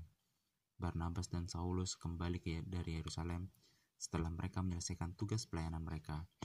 Mereka membawa Yohanes yang disebut ulang. Mereka membawa Yohanes yang disebut juga Markus. Amin. Kisah para Rasul 13 Pada waktu itu dalam jemaat di Antioquia ada beberapa nabi dan pengajar yaitu Barnabas dan Simeon yang disebut Niger, dan Lukius orang Kirene, dan Menahem yang diasuh bersama dengan Raja wilayah Herodes dan Saulus. Pada suatu hari ketika mereka beribadah kepada Tuhan dan berpuasa, berkatalah roh kudus, Khususkanlah Barnabas dan Saulus bagiku untuk tugas yang telah kutentukan bagi mereka. Maka berpuasa dan berdoalah mereka dan setelah meletakkan tangan ke atas kedua orang itu, mereka membiarkan keduanya pergi. Saulus dan Barnabas di Pulau Siprus. Oleh karena disuruh Roh Kudus, Barnabas dan Saulus berangkat ke Selu ulang. Oleh karena disuruh Roh Kudus, Barnabas dan Saulus berangkat ke Seleukia. Ulang. Seleukia. Selekia. Oleh karena disuruh Roh Kudus, Barnabas dan Saulus berangkat ke Selekia, dan dari situ mereka berlayar ke Siprus. Setiba di Salamis, mereka memberitakan firman Allah di dalam rumah-rumah ibadat orang Yahudi, dan Yohanes menyertai mereka sebagai pembantu mereka. Mereka mengelilingi seluruh pulau itu sampai ke Pafos di situ mereka bertemu dengan seorang Yahudi bernama Ber Yesus. Ia seorang tukang sihir dan nabi palsu. Ia adalah kawan gubernur pulau itu, Sergius Paulus, yang adalah orang cerdas. Gubernur itu memanggil Barnabas dan Saulus karena ia ingin mendengar firman Allah. Tetapi Elimas, demikianlah namanya dalam bahasa Yunani, tukang sihir itu menghalang-halangi mereka dan berusaha membelokkan gubernur itu dari imannya.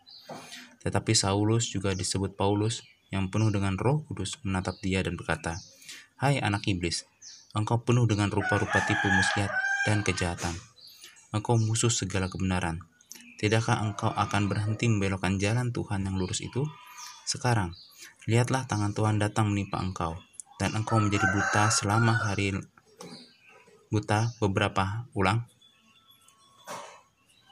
Beberapa hari lamanya engkau tidak dapat melihat matahari, dan seketika itu juga orang itu merasa diliputi kekabut dan gelap, dan sambil meraba-raba ia harus mencari orang untuk menuntun dia. Melihat apa yang telah terjadi itu, percayalah gubernur itu, ia takjub oleh ajaran Tuhan. Ke Antioquia di Pisidia. Lalu Paulus dan kawan-kawannya meninggalkan Pafos dan berlayar ke Parga. Ulang, berlayar ke Perga di Pamfilia, tetapi Yohanes meninggalkan mereka lalu kembali ke Yerusalem. Dari Perga, mereka melanjutkan perjalanan mereka lalu tiba di Antioquia di Pisidia. Pada hari Sabat, mereka pergi ke rumah ibadat, lalu duduk di situ. Setelah selesai pembacaan dari hukum Taurat dan kitab nabi-nabi, pejabat-pejabat rumah ibadat menyuruh bertanya kepada mereka, "Saudara-saudara, Jikalau saudara-saudara ada pesan untuk membangun dan menghibur umat ini, silahkanlah. Maka bangkitlah Paulus, ia memberi isyarat dengan tangannya lalu berkata, Hai orang-orang Israel, dan kamu yang takut akan Allah, dengarkanlah. Allah umat Israel ini telah menolong nenek moyang kita dan membuat umat itu menjadi besar ketika mereka tinggal di Mesir sebagai orang asing. Dengan tangannya yang luhur, ia memimpin mereka keluar dari negeri itu. Empat puluh tahun lamanya ia sabar menghadap tingkah laku mereka di padang gurun. Dan setelah membinasakan tujuh bangsa di tanah Kanaan, ia membagi-bagikan tanah itu kepada mereka untuk menjadi warisan mereka. Selama kira-kira 450 tahun, sesudah itu ia memberikan mereka hakim-hakim sampai pada zaman Nabi Samuel. Kemudian mereka meminta seorang raja dan Allah memberikan kepada mereka Saul bin Kis dari suku Benyamin 40 tahun lamanya. Setelah Saul disingkirkan, Allah mengangkat Daud menjadi raja mereka. Tentang Daud, Allah telah menyatakan, Aku telah mendapat Daud bin Isai, seorang yang berkenan di hatiku, yang melakukan segala kehendakku, dan dari keturunannya lah sesuai dengan yang telah dijanjikannya. Allah telah membangkitkan juru selamat bagi orang Israel, yaitu Yesus. Menjelang kedatangannya, Yohanes telah menyuruhkan kepada seluruh bangsa Israel supaya mereka bertobat dan memberi diri dibaptis. Dan ketika Yohanes hampir selesai menunaikan tugasnya, ia berkata, Aku bukanlah dia yang kamu sangka, tetapi ia akan datang kemudian daripadaku, membuka kasut dari kakinya pun aku tidak layak. Hai saudara-saudaraku, baik yang termasuk keturunan Abraham maupun yang takut akan Allah, kabar keselamatan itu sudah disampaikan kepada kita Sebab penduduk Yerusalem dan pemimpin-pemimpinnya tidak mengaku Yesus dengan menjatuhkan hukuman mati atas dia. Mereka menggenapi perkataan nabi-nabi yang dibacakan setiap hari sabat. Dan meskipun mereka tidak menemukan suatu yang dapat menjadi alasan untuk menghukum mati itu, namun mereka telah meminta kepada Pilatus supaya ia dibunuh. Dan setelah mereka menggenapi segala sesuatu yang ada tertulis tentang dia, maka ia menurunkan dia dari kayu salib lalu membaringkannya di dalam kubur. Tetapi Allah membangkitkan dia dari antara orang mati. Dan selama beberapa waktu ia menampakkan diri kepada mereka yang mengikuti dia dari Galilea ke Yerusalem. Mereka itulah yang sekarang menjadi saksinya bagi umat ini. Dan kami sekarang memberitakan kabar kesukaan kepada kamu, yaitu bahwa janji yang diberikan kepada nenek moyang kita telah digenapi Allah kepada kita keturunan mereka dengan bangkitkan Yesus seperti yang ada tertulis dalam Mazmur kedua. Anakku engkau, aku telah memperanakan engkau pada hari ini. Allah telah membangkitkan dia dari antara orang mati, dan ia tidak akan diserahkan kembali ke dalam kebinasaan. Hal itu dinyatakan oleh Tuhan dalam firman ini. Aku akan menanggenapi kekuat ulang. Aku akan menggenapi kepadamu janji-janji yang kudus yang dapat dipercayai, yang telah kuberikan kepada Daud. Sebab itu ia mengatakan dalam Mazmur yang lain, Engkau tidak akan membiarkan orang kudusmu melihat kebinasaan. Sebab Daud melakukan kehendak Allah pada zamannya. Lalu ia mangkat dan dibaringkan di samping nenek moyangnya. Dan dia memang diserahkan kepada binasaan. Tetapi Yesus yang dibangkitkan Allah tidak demikian. Jadi ketahuilah ya saudara-saudara, oleh karena dialah maka diberikan kepada kamu pengampunan dosa. Dan di dalam dialah setiap orang yang percaya memperoleh pembebasan dari segala dosa yang tidak dapat kamu peroleh dari hukum Musa. Karena itu, waspadalah supaya jangan berlaku atas kamu apa yang telah dikatakan dalam kitab nabi-nabi. Ingatlah, hai kamu, penghina-penghina, tercenganglah dan lenyaplah, sebab aku melakukan sesuatu pekerjaan dalam zamanmu, suatu pekerjaan yang tidak akan kamu percaya. Ulang, suatu pekerjaan yang tidak akan kamu percayai jika diceritakan kepadamu. Ketika Paulus dan Barnabas keluar, mereka diminta untuk berbicara tentang pokok itu pula pada hari sabat berikutnya. Setelah selesai beribadah, banyak orang Yahudi dan penganut-penganut agama Yahudi yang takut akan Allah, lalu mengikuti Paulus dan Barnabas. Kedua rasul itu mengajar mereka dan menasihati supaya mereka tetap hidup dalam kasih karunia Allah. Pada hari sabat berikutnya, Datanglah hampir seluruh kota itu berkumpul untuk mendengar firman Allah. Akan tetapi, ketika orang Yahudi melihat orang banyak itu, penuhlah mereka dengan iri hati, dan sambil mujat mereka membantah apa yang dikatakan Paulus. Tetapi dengan berani, Paulus dan Barnabas berkata, Memang kepada kamulah firman Allah harus diberitakan lebih dahulu. Tetapi kamu menolaknya dengan menganggap dirimu tidak layak untuk beroleh hidup kekal. Karena itu, kami berpaling kepada bangsa-bangsa lain Sebab inilah yang diperintahkan kepada kami. Aku telah menentukan engkau menjadi terang bagi bangsa-bangsa yang tidak mengenal Allah, supaya engkau membawa keselamatan sampai ke ujung bumi. Mendengar itu, bergembira semua orang yang tidak mengenal Allah, dan mereka memuliakan firman Allah, dan orang yang ditentukan Allah untuk hidup yang kekal menjadi percaya. Lalu firman Tuhan disiarkan di seluruh daerah itu. Ke Ikonium, Listra, dan Derbe.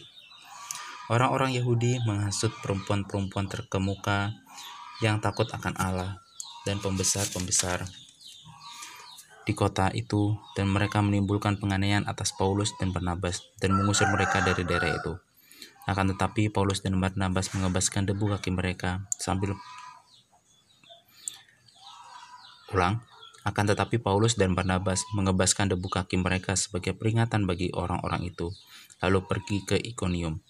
Dan murid-murid di Antioquia penuh dengan sukacita dan dengan roh kudus. Amin.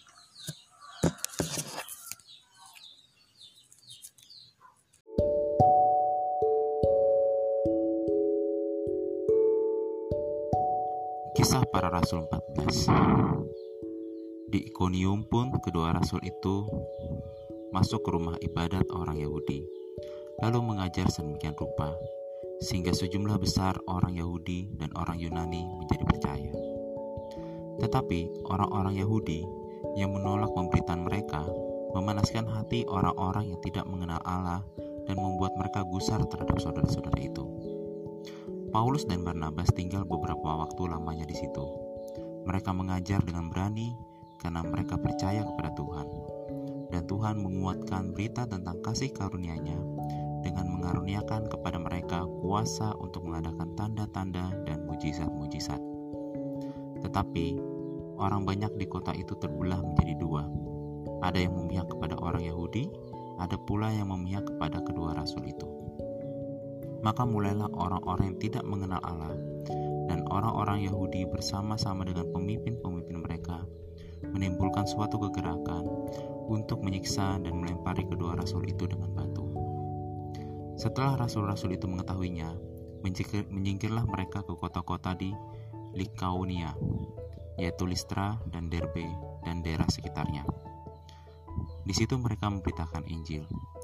Di Listra ada seorang yang duduk saja karena lemah kakinya dan lumpuh sejak ia dilahirkan dan belum pernah dapat berjalan. Ia duduk mendengarkan ketika Paulus berbicara dan Paulus menatap dia dan melihat bahwa ia beriman dan dapat disembuhkan. Lalu kata Paulus dengan suara nyaring, Berdirilah tegak di atas kakimu.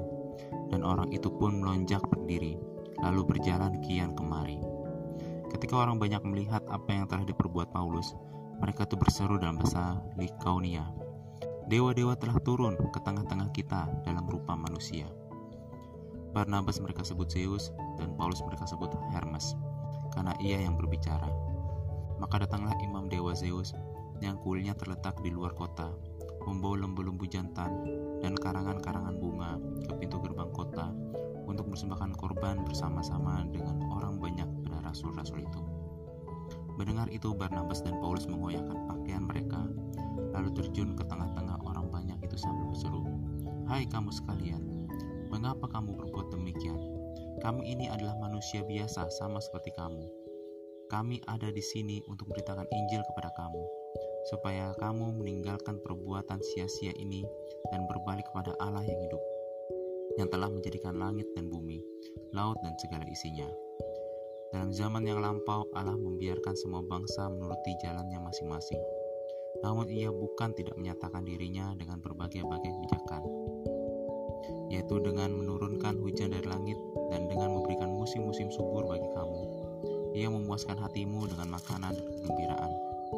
Walaupun rasul-rasul itu berbicara demikian, namun hampir-hampir tidak dapat mereka mencegah orang banyak mempersembahkan korban kepada mereka. Tetapi datanglah orang-orang Yahudi dari Antioquia dan Iconium, dan mereka membujuk orang banyak itu memihak mereka. Lalu mereka melempari Paulus dengan batu ia telah mati. Akan tetapi ketika murid-murid itu berdiri melihat dia, bangkitlah ia lalu masuk ke dalam kota. Esokan harinya berangkatlah ia bersama-sama dengan Barnabas ke Derbe. Kembali ke Antioquia. Paulus dan Barnabas memberitakan Injil di kota itu dan memperoleh banyak murid. Lalu kembalilah mereka ke Listra, Iconium, dan Antioquia. Di tempat itu mereka menguatkan hati murid-murid itu dan menasihati mereka supaya mereka bertekun dalam iman dan mengatakan bahwa untuk masuk dalam kerajaan Allah kita harus mengalami banyak sengsara. Di tiap-tiap jemaat, rasul-rasul itu menetapkan penutua-penutua bagi jemaat itu. Dan setelah berdoa dan berpuasa, mereka menyerahkan penutua-penutua itu kepada Tuhan, yang adalah sumber kepercayaan mereka.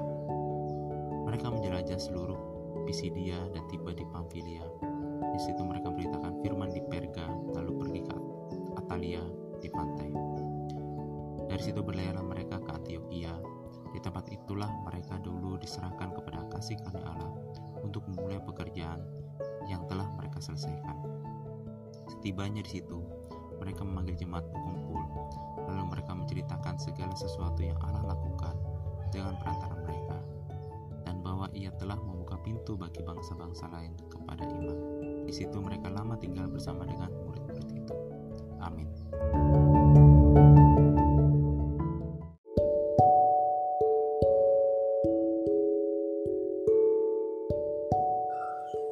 Kisah para Rasul 15 Sidang di Yerusalem Beberapa orang datang dari Yudea ke Antioquia dan mengajarkan kepada saudara-saudara di situ.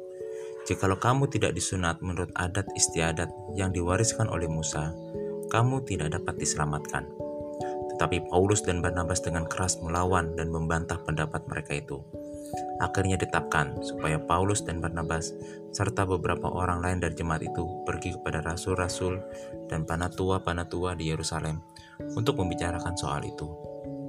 Mereka diantarkan oleh jemaat sampai keluar kota. Lalu mereka berjalan melalui Fenisia dan Samaria. Dan tempat-tempat itu mereka menceritakan tentang pertobatan orang-orang yang tidak mengenal Allah. Hal itu sangat menggembirakan hati saudara-saudara di situ. Setibanya di Yerusalem, mereka disambut oleh jemaat dan oleh rasul-rasul dan panatua-panatua. Lalu mereka menceritakan segala sesuatu yang Allah lakukan dengan perantaran mereka. Tetapi beberapa orang dari golongan Farisi yang telah menjadi percaya datang dan berkata, Orang-orang bukan Yahudi harus disunat dan diwajibkan untuk menuruti hukum Musa. Maka bersidanglah rasul-rasul dan panatua-panatua untuk membicarakan soal itu. Sesudah berapa waktu lamanya berlangsung pertukaran pikiran mengenai soal itu. Berdirilah Petrus dan berkata kepada mereka, Hai saudara-saudara, kamu tahu bahwa telah sejak semula Allah memilih aku dari antara kamu, supaya dengan perantaran mulutku bangsa-bangsa lain mendengar berita Injil dan menjadi percaya. Dan Allah yang mengenal hati manusia, telah menyatakan kehendaknya untuk menerima mereka, sebab ia mengaruniakan roh kudus juga kepada mereka sama seperti kepada kita. Dan ia sama sekali tidak mengadakan perbedaan antara kita dengan mereka, sesudah ia menyucikan hati mereka oleh iman. Kalau demikian, mengapakah kamu mau mencobai Allah dengan meletakkan pada tengkuk murid-murid itu satu kuk yang tidak dapat dipikul, baik oleh nenek moyang kita maupun oleh kita sendiri? Sebaliknya, kita percaya bahwa oleh kasih karunia Tuhan Yesus Kristus, kita akan beroleh keselamatan sama seperti mereka juga. Maka diamlah seluruh umat itu. Lalu mereka mendengarkan Paulus dan Barnabas menceritakan segala tanda dan mujizat yang dilakukan Allah dengan perantar mereka di tengah-tengah bangsa-bangsa lain. Setelah Paulus dan Barnabas selesai berbicara, berkatalah Yakobus, "Hai saudara-saudara, dengarkanlah aku. Simon telah menceritakan bahwa sejak semula Allah menunjukkan rahmatnya kepada bangsa-bangsa lain, yaitu dengan memilih suatu umat dari antara mereka bagi namanya. Hal itu sesuai dengan ucapan para nabi seperti yang tertulis.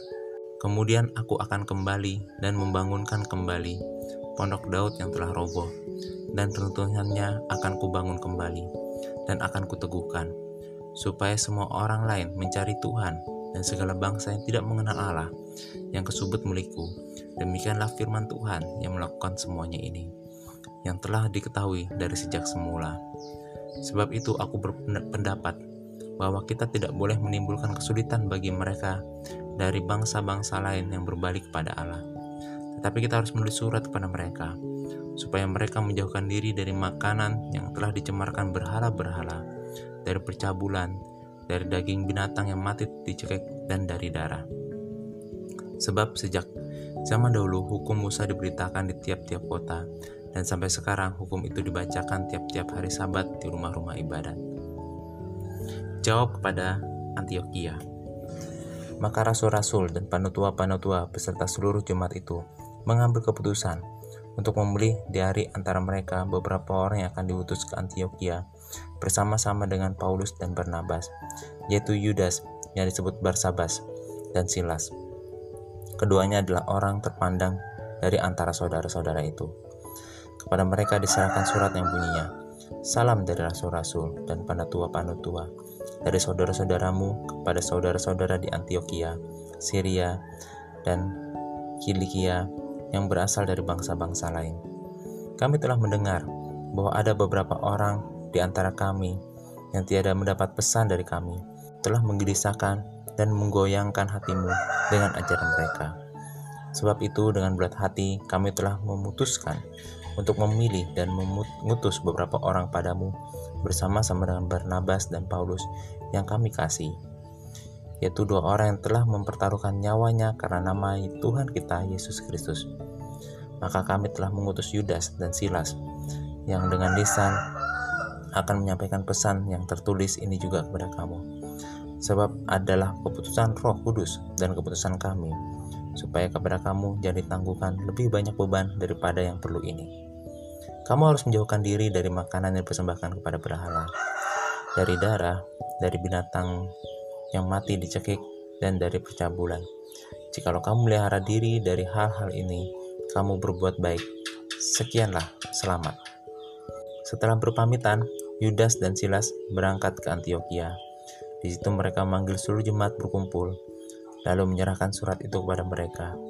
Setelah membaca surat itu, jemaat bersuka cita karena isinya yang menghiburkan. Yudas dan Silas, yang adalah juga nabi, lama menasehati saudara-saudara itu dan menguatkan hati mereka. Dan sesudah beberapa waktu keduanya tinggal di situ, saudara-saudara itu melepas mereka dalam damai untuk kembali kepada mereka yang mengutusnya. Tetapi Silas memutuskan untuk tinggal di situ. Perselisihan antara Paulus dan Barnabas. Paulus dan Barnabas tinggal berapa lama di Antioquia. Mereka bersama-sama dengan banyak orang lain mengajar dan memberitakan firman Tuhan. Tetapi beberapa waktu kemudian berkatalah Paulus kepada Barnabas, Baiklah kita kembali kepada saudara-saudara kita di tiap kota, di mana kita telah memberitakan firman Tuhan untuk mengingat bagaimana keadaan mereka. Barnabas ingin membawa juga Yohanes yang disebut Markus. Tetapi Paulus dengan tegas berkata bahwa tidak baik membawa serta orang yang telah meninggalkan mereka di Pamfilia dan tidak mau turut bekerja bersama-sama dengan mereka. Hal itu menimbulkan perselisihan yang tajam, sehingga mereka berpisah, dan Barnabas membawa Markus juga besertanya berlayar ke Siprus. Tetapi Paulus membeli Silas, dan sesudah diserahkan oleh saudara-saudara itu kepada kasih karunia Tuhan. Berangkatlah ia mengelilingi Syria dan Kilikia sambil meneguhkan jemaat-jemaat di situ. Amin.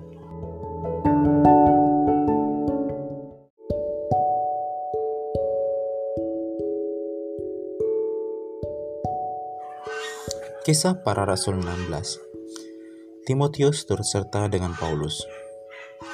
Paulus datang juga ke Derbe dan ke Listra. Di situ ada seorang murid bernama Timotius. Ibunya adalah seorang Yahudi dan telah menjadi percaya, sedangkan ayahnya seorang Yunani. Timotius ini dikenal baik oleh saudara-saudara di Listra dan di Iconium. Dan Paulus mau supaya dia menyertainya dalam perjalanan. Paulus menyuruh menyunatkan dia karena orang-orang Yahudi daerah itu, sebab setiap orang tahu bahwa bapaknya adalah orang Yunani. Paulus menyeberang ke Makedonia. Dalam perjalanan keliling dari kota ke kota, Paulus dan Silas menyampaikan keputusan-keputusan yang diambil para rasul dan para penetua di Yerusalem dengan pesan supaya jemaat-jemaat menurutinya. Demikianlah jemaat-jemaat diteguhkan dengan iman dan makin lama makin bertambah besar jumlahnya. Mereka melintasi tanah Frigia dan tanah Galatia, karena Roh Kudus mencegah mereka untuk memberitakan Injil di Asia. Dan setibanya di Misia, mereka mencoba masuk daerah Bitania, tetapi Roh Yesus tidak mengizinkan mereka. Setelah mereka melintasi Misia, mereka sampai di Troas. Pada malam harinya tampaklah oleh Paulus suatu penglihatan. Ada seorang Makedonia berdiri di situ dan berseru kepadanya.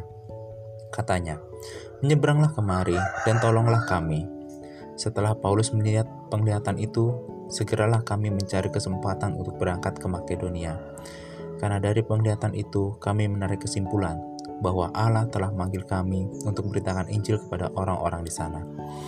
Lalu kami bertolak dari Troas dan langsung berlayar ke Somatrek dan keesokan harinya tibalah kami di Neapolis. Dari situ kami ke Filipi, kota pertama di bagian Makedonia ini. Suatu kota perantauan orang Roma. Di kota itu kami tinggal beberapa hari. Paulus di Filipi. Pada hari Sabat kami keluar pintu gerbang kota.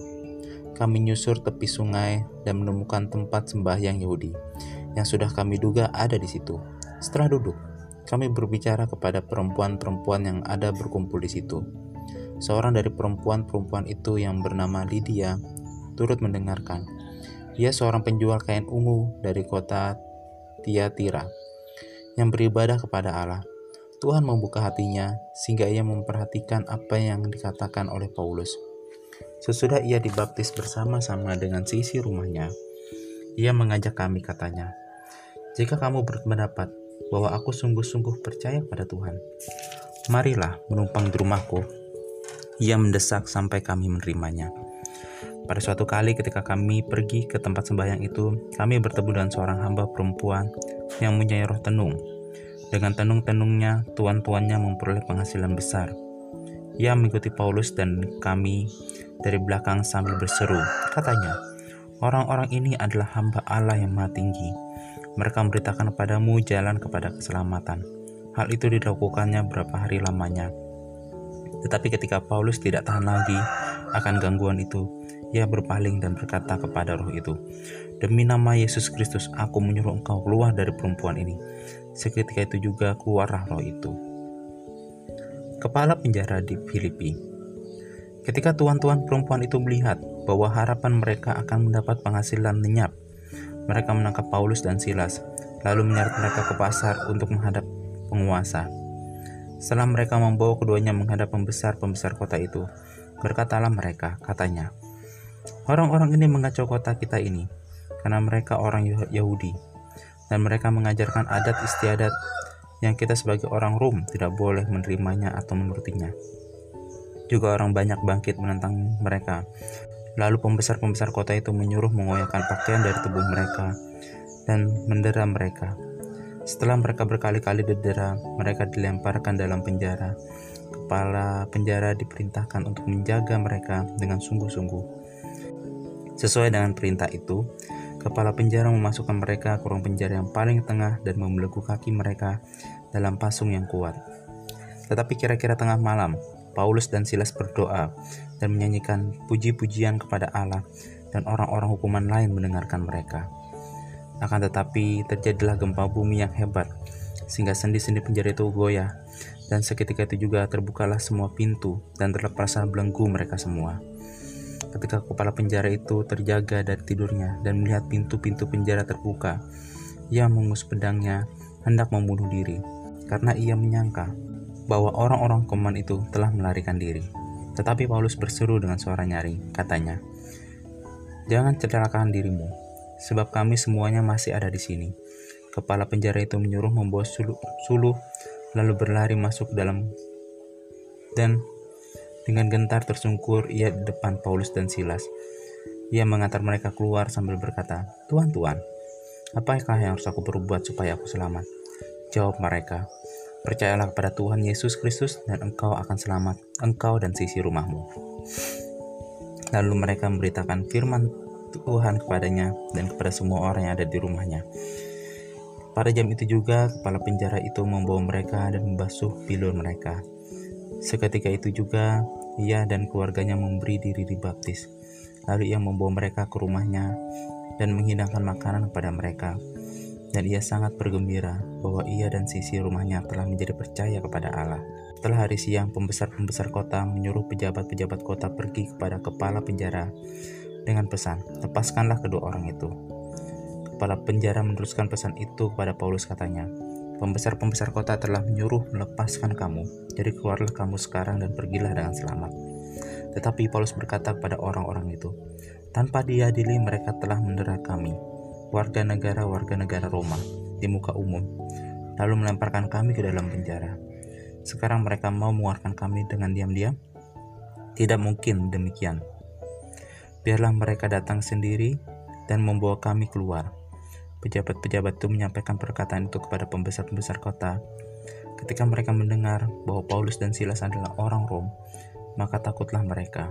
Mereka minta maaf lalu membawa kedua rasul itu keluar dan memohon supaya mereka meninggalkan kota itu.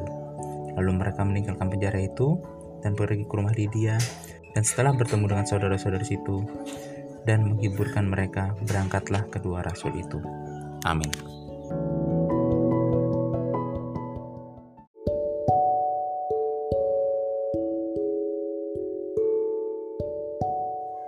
Kisah para Rasul 17 Keributan di Tesalonika Paulus dan Silas mengambil jalan melalui Amphipolis dan Apolonia dan tiba di Tesalonika. Di situ ada sebuah rumah ibadat orang Yahudi. Seperti biasa, Paulus masuk rumah ibadat itu. Tiga hari sabat berturut-turut, ia membicarakan dengan mereka bagian-bagian dari kitab suci. Ia menerangkannya kepada mereka dan menunjukkan bahwa Mesias harus menderita dan bangkit dari antara orang mati. Lalu ia berkata, Inilah Mesias, yaitu Yesus, yang kuberitakan kepadamu. Beberapa orang dari mereka menjadi yakin dan menggabungkan diri dengan Paulus dan Silas, dan juga sejumlah besar orang Yunani yang takut kepada Allah, dan tidak sedikit perempuan-perempuan terkemuka. Tetapi orang-orang Yahudi menjadi iri hati, dan dengan dibantu oleh beberapa penjahat dari antara petualang-petualang di pasar, mereka mengadakan keributan dan mengacau kota itu. Mereka menyerbu rumah Yason dengan maksud untuk menghadapkan Paulus dan Silas kepada sidang rakyat. Tetapi mereka tidak menemukan keduanya. Mereka menyeret Yason dan beberapa saudara ke hadapan pembesar-pembesar kota sambil berteriak, katanya, Orang-orang yang mengacaukan seluruh dunia telah datang juga kemari, dan Yason menerima mereka menumpang di rumahnya. Mereka semua bertindak melawan ketetapan-ketetapan kaisar dengan mengatakan bahwa ada seorang raja lain, yaitu Yesus.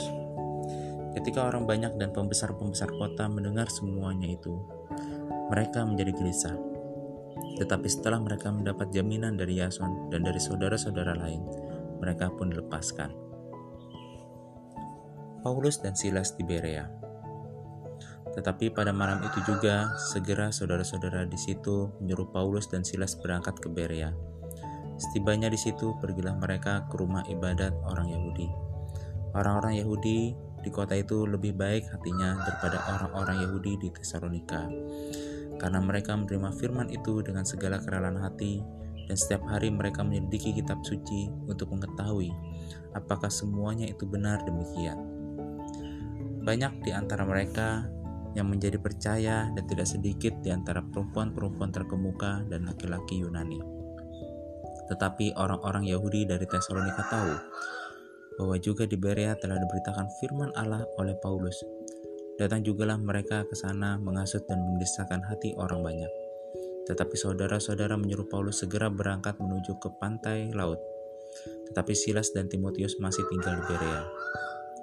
Orang-orang yang mengiringi Paulus menemaninya sampai di Athena, lalu kembali dengan pesan kepada Silas dan Timotius supaya mereka selekas mungkin datang kepadanya. Paulus di Athena. Sementara Paulus menantikan mereka di Athena, sangat sedih hatinya karena ia melihat bahwa kota itu penuh dengan patung-patung berhala. Karena itu, di rumah ibadat ia bertukar pikiran dengan orang-orang Yahudi dan orang-orang yang takut akan Allah. Dan di pasar setiap hari dengan orang-orang yang dijumpainya di situ. Dan juga beberapa ahli pikir dari golongan Epikurus dan Stoa bersoal jawab dengan dia dan ada yang berkata, apakah yang hendak dikatakan si Plater ini? Tetapi yang lain berkata, rupa-rupanya ia adalah pemberita ajaran dewa-dewa asing. Sebab ia memberitakan Injil tentang Yesus dan tentang kebangkitannya. Lalu mereka membawanya menghadap sidang Areopagus dan mengatakan, Bolehkah kami tahu ajaran baru mana yang kau ajarkan itu? Sebab engkau memperdengarkan kepada kami perkara-perkara yang aneh. Karena itu kami ingin tahu, apakah arti semuanya itu? Adapun orang-orang Tena dan orang-orang asing yang tinggal di situ tidak mempunyai waktu untuk suatu selain untuk mendengar, mengatakan atau mendengar segala sesuatu yang baru. Paulus pergi berdiri di atas Areopagus dan berkata, Hai orang-orang Athena, aku lihat bahwa dalam segala hal kamu sangat beribadah kepada dewa-dewa. Sebab ketika aku berjalan-jalan di kotamu dan melihat-lihat barang-barang pujaanmu, aku menjumpai juga sebuah mesbah dengan tulisan kepada Allah yang tidak dikenal. Apa yang kamu sembah tanpa mengenalnya, itulah yang kuberitakan kepadamu. Allah yang telah menjadikan bumi dan segala isinya, Ia yang adalah Tuhan atas langit dan bumi tidak diam dalam kuil-kuil buatan tangan manusia, dan tidak juga dilayani oleh tangan manusia, seolah-olah ia kekurangan apa-apa. Karena dialah memberikan hidup dan nafas dan segala sesuatu kepada semua orang. Dari satu orang saja ia telah menjadikan semua bangsa dan umat manusia untuk mendiami seluruh muka bumi, dan ia telah menentukan musim-musim bagi mereka dan batas-batas kediaman mereka supaya mereka mencari dia dan mudah-mudahan menjamah dan menemukan dia, walaupun ia tidak jauh dari kita masing-masing. Sebab di dalam dia kita hidup, kita bergerak, kita ada. Seperti yang telah juga dikatakan oleh pujangga-pujanggamu. Sebab kita ini dari keturunan Allah juga. Karena kita berasal dari keturunan Allah, kita tidak boleh berpikir bahwa keadaan ilahi sama seperti emas atau perak atau batu, ciptaan kesenian dan keahlian manusia dengan tidak lagi, memandang lagi zaman kebodohan. Maka sekarang Allah memberitakan kepada manusia bahwa di mana-mana semua mereka harus bertobat, karena Ia telah menetapkan suatu hari pada waktu di mana Ia dengan adil akan menghakimi dunia oleh seorang yang telah ditentukannya. Sesudah Ia memberikan kepada semua orang suatu bukti tentang hal itu dengan membangkitkan dia dari antara orang mati. Ketika mereka mendengar tentang kebangkitan orang mati, maka ada yang mengejek dan yang lain berkata, lain kali saja kami mendengar engkau berbicara tentang hal itu. Lalu Paulus pergi meninggalkan mereka. Tetapi beberapa orang laki-laki menggabungkan diri dengan dia dan menjadi percaya. Di antaranya juga Dionysus, anggota majelis Areopagus, dan seorang perempuan bernama Damaris, dan juga orang-orang lain bersama-sama dengan mereka. Amin.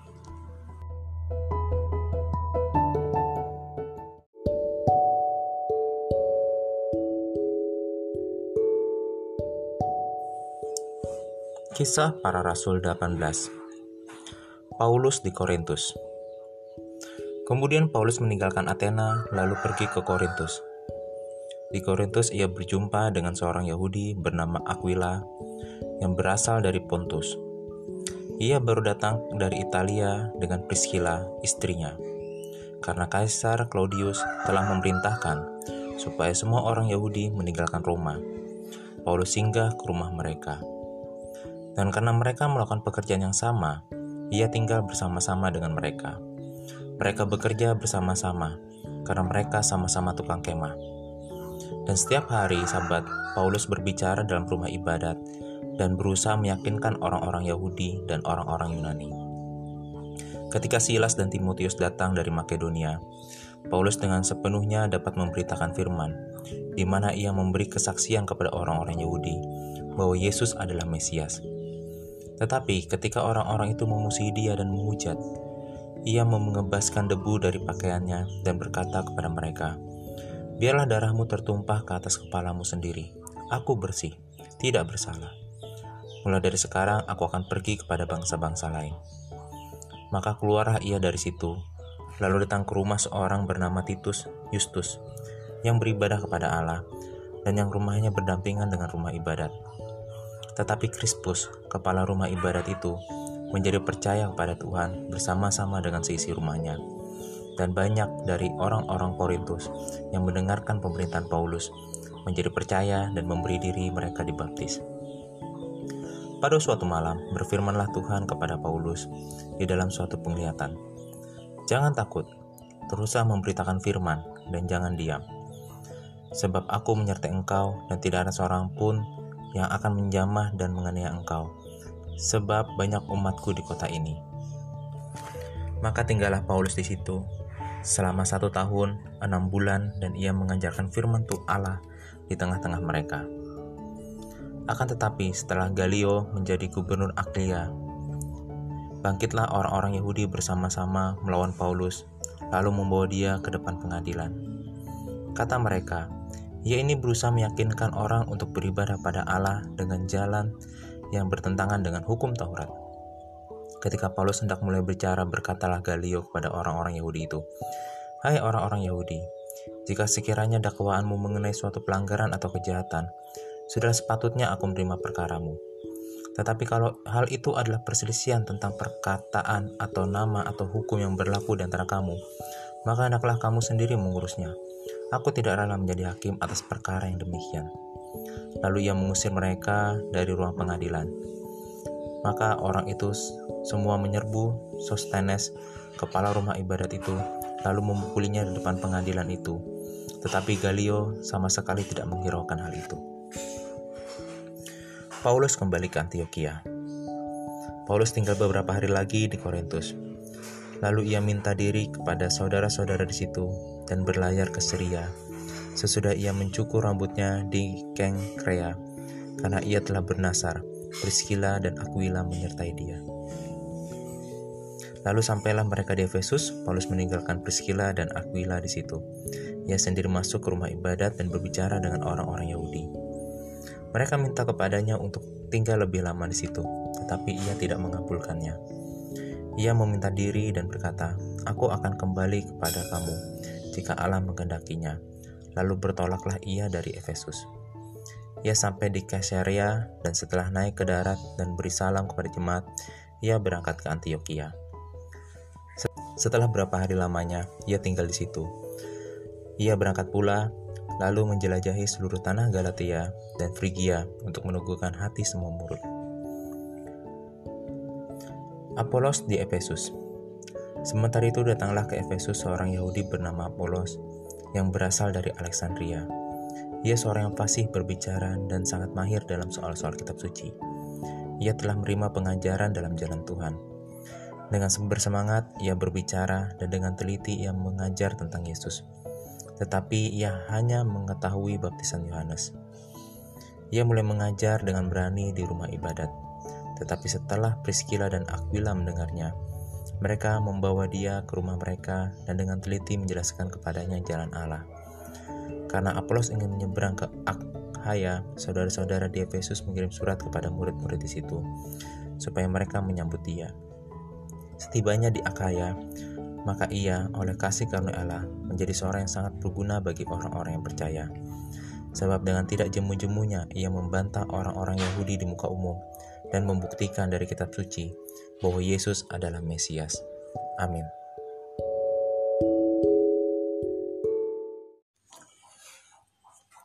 Kisah para Rasul 19 Paulus di Efesus Ketika Apolos masih di Korintus, Paulus sudah menjelajah daerah-daerah pedalaman dan tiba di Efesus. Di situ didapatinya beberapa orang murid. Katanya kepada mereka, Sudahkah kamu menerima roh kudus ketika kamu menjadi percaya? Akan tetapi mereka menjawab, Belum, bahkan kami belum pernah mendengar bahwa ada roh kudus. Lalu kata Paulus kepada mereka, Kalau begitu dengan baptisan manakah kamu telah dibaptis? Jawab mereka, dengan baptisan Yohanes. Kata Paulus, baptisan Yohanes adalah membaptis ulang. Kata Paulus, baptisan Yohanes adalah pembaptisan orang yang telah bertobat. Dan ia berkata kepada orang banyak, bahwa mereka harus percaya kepada dia yang datang kemudian daripadanya, yaitu Yesus.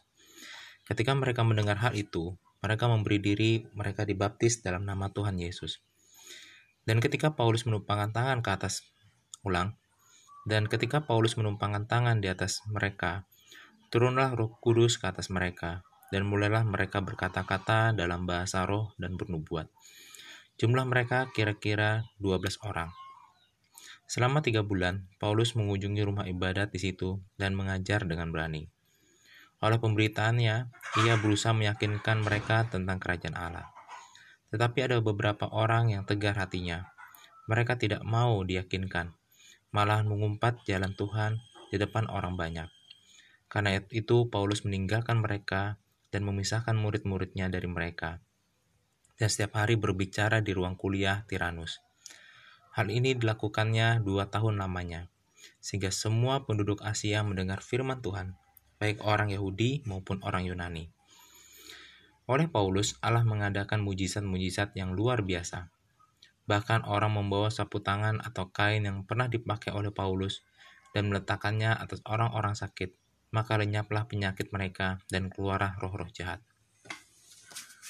Anak-anak Skewa Juga beberapa tukang jampi Yahudi yang berjalan keliling di negeri itu mencoba menyebut nama Tuhan Yesus atas mereka yang kerasukan roh jahat dengan berseru, katanya, Aku menyumpahi kamu demi nama Yesus yang diberitakan oleh Paulus. Mereka yang melakukan hal itu ialah tujuh orang anak dari seorang imam kepala Yahudi yang bernama Skewa. Tetapi roh jahat itu menjawab, Yesus aku kenal, dan Paulus aku ketahui. Tetapi kamu, siapakah kamu? dan orang yang dirasuki roh jahat itu menerima ulang dan orang yang dirasuki roh jahat itu menerpa mereka dan menggagahi mereka semua dan mengalahkannya sehingga mereka lari dari rumah orang itu dengan telanjang dan luka-luka. Hal itu diketahui oleh seluruh penduduk Efesus, baik orang Yahudi maupun orang Yunani. Maka ketakutanlah mereka semua dan makin masyurlah nama Tuhan Yesus. Banyak di antara mereka yang telah menjadi percaya, datang dan mengaku di muka umum bahwa mereka pernah turut melakukan perbuatan-perbuatan seperti itu. Banyak juga di antara mereka yang pernah melakukan sihir, mengumpulkan kitab-kitabnya lalu membakarnya di depan mata semua orang. Nilai kitab-kitab itu ditaksir 50 ribu uang perak. Dengan jalan ini, maka terisiarlah firman Tuhan dan makin berkuasa. Demetrius menimbulkan huru hara di Efesus. Kemudian daripada semua itu, ulang, kemudian daripada semuanya itu, Paulus bermaksud pergi ke Yerusalem melalui Makedonia dan Akhaya. Katanya, sesudah berkunjung ke situ, aku harus melihat Roma juga. Lalu ia menyuruh dua orang pembantunya, yaitu Timotius dan Erastus, mendahulinya ke Makedonia. Tetapi ia sendiri tinggal berapa lama lagi di Asia. Kira-kira pada waktu itu timbullah huru hara besar mengenai jalan Tuhan sebab ada seorang bernama Demetrius, seorang tukang perak yang membuat kuil kuilan Dewi Amartis dari perak. Usahanya itu mendapat ulang Usahanya itu mendatangkan penghasilan yang tidak sedikit bagi tukang-tukangnya. Ia mengumpulkan mereka bersama-sama dengan pekerja-pekerja lain dalam perusahaan itu dan berkata, Saudara-saudara, kamu tahu bahwa kemakmuran kita adalah hasil penjualan ini. Sekarang kamu sendiri melihat dan mendengar bagaimana Paulus, bukan saja di Efesus, tapi juga hampir seluruh Asia, telah memujuk dan menyesatkan banyak orang dengan mengatakan bahwa apa yang dibuat oleh tangan manusia bukanlah dewa.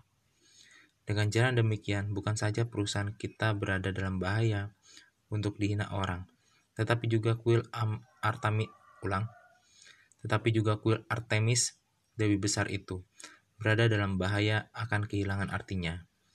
Dan Artemis sendiri, Artemis yang disembah oleh seluruh Asia dan seluruh dunia yang beradab akan kehilangan kebesarannya. Mendengar itu, Meluaplah amarah mereka. Lalu mereka berteriak, katanya, Besarlah Artemis, Dewi orang Efesus. Seluruh kota menjadi kacau dan mereka ramai-ramai membanjiri gedung kesenian serta menyeret Gaius dan Aristarkus, keduanya orang Makedonia dan teman seperjalanan Paulus. Paulus mau pergi ke tengah-tengah rakyat itu, tetapi murid-murid tidak mengizinkannya. Bahkan beberapa pembesar dari Asia yang bersahabat dengan Paulus mengirim peringatan padanya, supaya ia jangan masuk ke gedung kesenian itu. Sementara itu, orang yang berkumpul di dalam gedung itu berteriak-teriak. Yang seorang mengatakan ini dan yang lain mengatakan itu. Sebab kumpulan itu kacau balau dan kebanyakan dari mereka tidak tahu untuk apa mereka berkumpul. Lalu seorang bernama Alexander didorong ke depan oleh orang-orang Yahudi. Ia mendapat keterangan dari orang banyak tentang apa yang terjadi. Segera ia memberi syarat dengan tangannya dan mau memberi penjelasan sebagai pembelaan di depan rakyat itu. Tetapi ketika mereka tahu bahwa ia adalah orang Yahudi, berteriakkan mereka bersama-sama, kira-kira dua jam lamanya. Besarlah Artemis, Dewi orang Efesus. Akan tetapi pendetira kota menenangkan orang banyak itu dan berkata, Hai orang Efesus, siapakah dunia ini yang tidak tahu bahwa kota Efesuslah yang memelihara baik kuil Dewi Artemis yang maha besar maupun patung yang turun dari langit.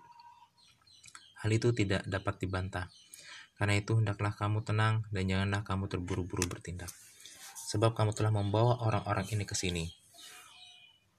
Walaupun mereka tidak merampok kuil Dewi Artemis dan tidak menghujat namanya. Jadi jika Demetrius dan tukang-tukangnya ada pengaduan terhadap seseorang, Bukankah ada sidang-sidang pengadilan dan ada gubernur? Jadi hendaklah kedua belah pihak mengajukan dakwaannya ke situ. Dan jika ada sesuatu yang lain yang kamu kehendaki, baiklah kehendakmu itu diselesaikan dalam sidang rakyat yang sah. Sebab kita berada dalam bahaya akan dituduh bahwa kita menimbulkan huru hara pada hari ini. Karena tidak ada alasan yang dapat kita kemukakan untuk membenarkan kumpulan yang kacau baru ini dan dengan kata-kata itu ia membuarkan kumpulan rakyat itu. Amin. Kisah para Rasul 20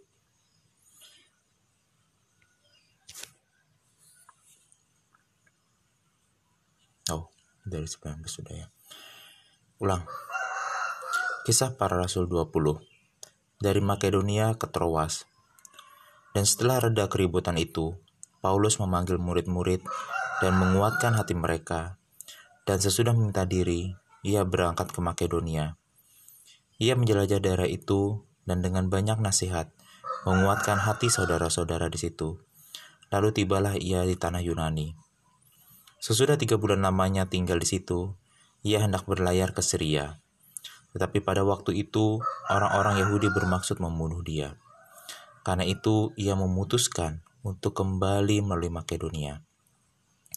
Ia beserta, ulang, ia disertai oleh Sopater anak Piraus dari Berea dan Aristarkus dan Sekundus, keduanya dari Tesalonika, dan Gaius dari Derbe, dan Timotius dan dua orang dari Asia, yaitu Tikikus dan Trofimuni. Ulang, yaitu Tikikus dan Trofimus. Mereka itu berangkat lebih dahulu dan menantikan kami di Troas.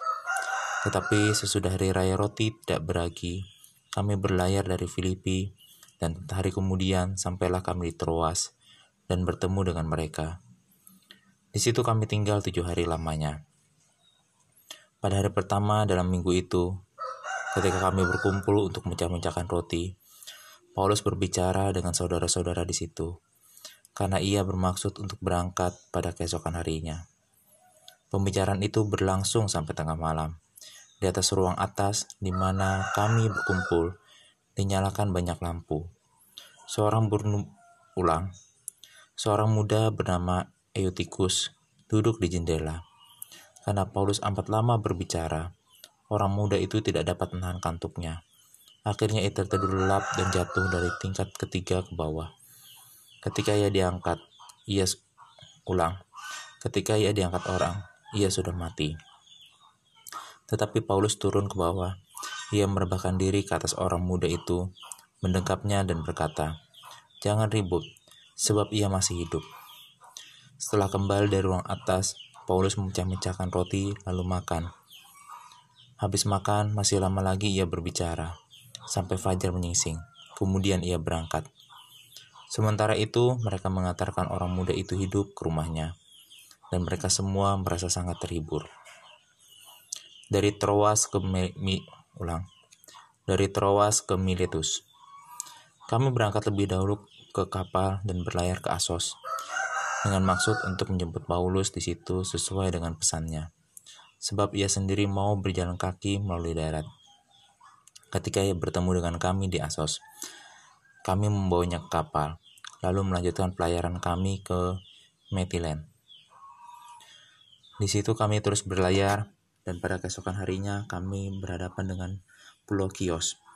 Pada hari berikutnya, kami menuju Samos, dan sehari kemudian tibalah kami di Miletus. Paulus telah memutuskan untuk tidak singgah di Efesus, supaya jangan habis waktunya di Asia, sebab ia buru-buru agar jika mungkin ia telah berada di Yerusalem pada hari raya Pentakosta. Perpisahan Paulus dengan para penetua Efesus. Ulang, perpisahan Paulus dengan para penetua jemaat Efesus. Karena itu ia menyuruh seorang dari Miletus ke Efesus dengan pesan supaya para penetua jemaat datang ke Miletus Sesudah mereka datang, berkatalah ia kepada mereka, Kamu tahu bagaimana aku hidup di antara kamu sejak hari pertama aku tiba di Asia ini. Dengan segala rendah hati, aku melayani Tuhan. Dalam pelayanan itu, aku banyak mencucurkan air mata dan banyak mengalami pencobaan dari pihak orang Yahudi yang mau membunuh aku. Sungguh pun demikian, aku tidak pernah melalaikan apa yang berguna bagi kamu. Semua aku beritakan dan kuajarkan kepada kamu baik di muka umum maupun dalam perkumpulan-perkumpulan di rumah kamu.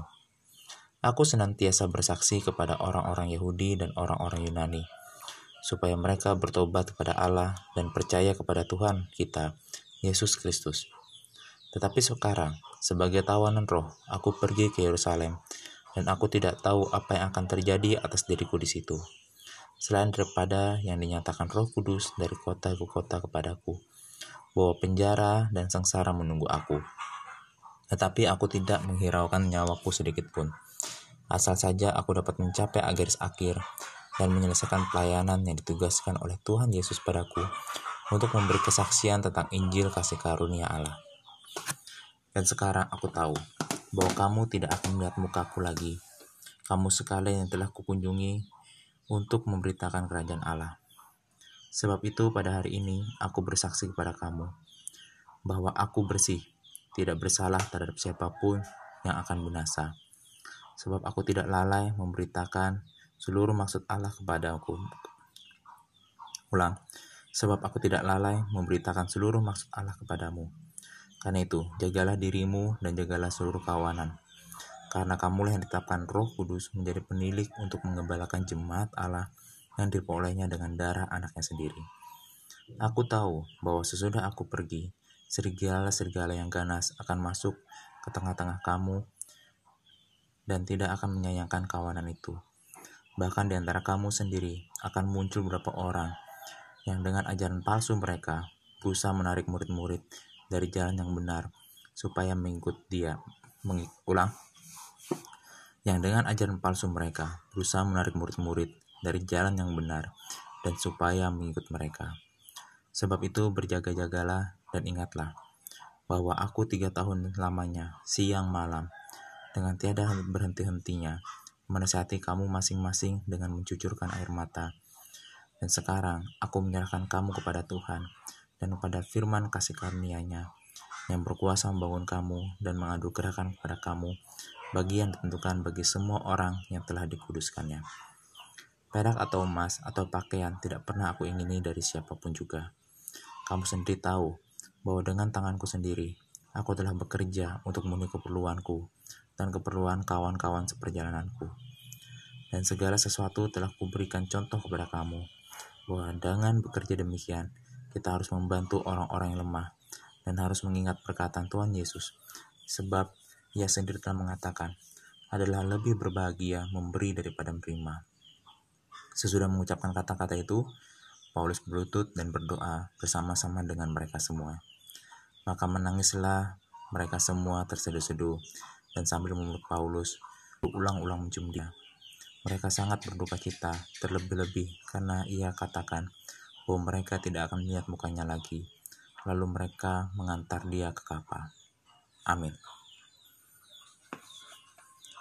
Kisah para Rasul 21 Paulus di Tirus dan di Kaisarea Sesudah perpisahan yang berat itu, bertolaklah kami dan langsung berlayar menuju Kos.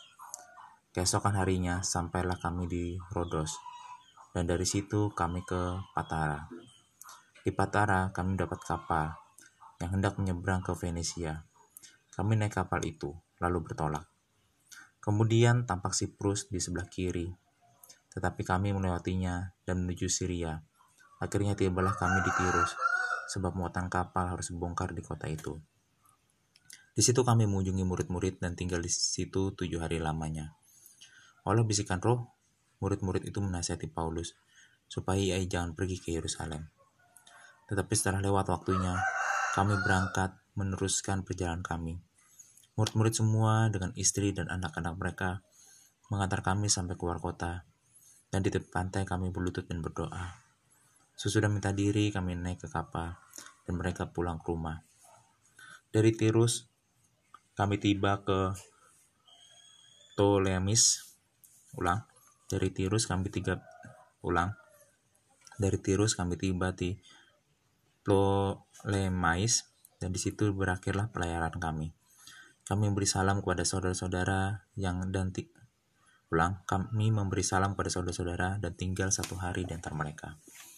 Pada keesokan harinya, kami berangkat dari situ dan tiba di Kaisarea. Kami masuk rumah Filipus, memberita Injil itu, yaitu satu dari ketujuh orang yang dipilih di Yerusalem, dan kami tinggal di rumahnya. Filipus mempunyai empat anak darah yang beroleh karunia untuk penubuat. Setelah beberapa hari, kami tinggal di situ, datanglah dari Yudea seorang nabi bernama Agabus. Ia datang kepada kami lalu mengambil ikat pinggang Paulus, sambil mengikat kaki dan tangannya sendiri ia berkata, Demikianlah kata roh kudus, beginilah orang yang mempunyai ikat pinggang ini akan diikat oleh orang-orang Yahudi di Yerusalem dan diserahkan ke dalam tangan bangsa-bangsa lain. Mendengar itu, kami bersama-sama dengan murid-murid tempat itu meminta supaya Paulus jangan pergi ke Yerusalem. Tetapi Paulus menjawab, Mengapa kamu menangis dan dengan jalan demikian mau menghancurkan hatiku? Sebab aku ini rela bukan saja diikat, tetapi juga untuk mati di Yerusalem oleh karena nama Tuhan Yesus. Karena ia tidak mau menerima nasihat kami, kami menyerahkan dan berkata, jadilah kehendak Tuhan. Pertemuan Paulus dan Yakobus di Yerusalem. Sesudah berapa hari lamanya tinggal di Kaisarea, berkemaslah kami, lalu berangkat ke Yerusalem. Bersama-sama dengan kami turut juga beberapa murid dari Kaisarea. Mereka membawa kami ke rumah seorang yang bernama Manason. Ia dari Siprus dan sudah lama menjadi murid. Kami akan menumpang di rumahnya. Ketika kami tiba di Yerusalem, semua saudara menyambut kami dengan suka hati. Pada keesokan harinya, Pergilah Paulus bersama-sama dengan kami mengunjungi Yakobus. Semua penetua telah hadir di situ. Paulus memberi salam kepada mereka, lalu menceritakan dengan terperinci apa yang dilakukan Allah di antara bangsa-bangsa lain oleh pelayanannya.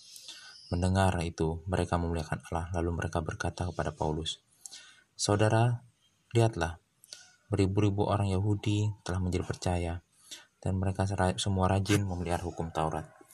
Tetapi mereka mendengar tentang engkau, bahwa engkau mengajar semua orang Yahudi yang tinggal di bangsa-bangsa lain untuk melepas hukum Musa. Sebab engkau mengatakan supaya mereka jangan menyunatkan anak-anaknya dan jangan hidup menurut adat istiadat kita. Jadi bagaimana sekarang? Tentu mereka akan dengar bahwa engkau telah datang kemari. Sebab itu, lakukanlah apa yang kami katakan. Di antara kami ada empat orang yang bernasar, bahwa mereka bersama-sama dengan engkau. Lakukanlah pentahiran dirimu bersama-sama dengan mereka, dan tanggunglah biaya mereka, sehingga mereka dapat mencukurkan rambutnya, supaya semua orang akan tahu bahwa segala kabar yang mereka dengar tentang engkau sama sekali tidak benar, melainkan bahwa engkau tetap melihara hukum Taurat.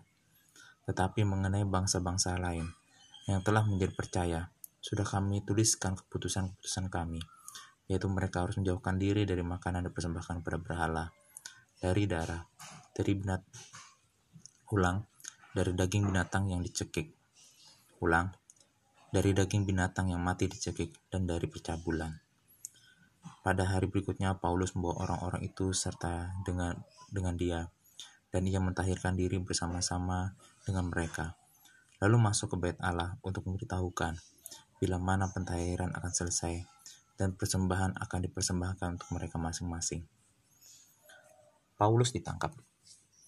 Ketika masa tujuh hari itu sudah hampir berakhir, orang-orang Yahudi yang datang dari Asia melihat Paulus di dalam bait Allah. Lalu mereka menghasut rakyat dan menangkap dia, sambil berteriak, Hai orang-orang Israel, tolong, inilah orang yang di mana-mana mengajar semua orang untuk menentang bangsa kita dan menentang hukum Taurat di tempat ini.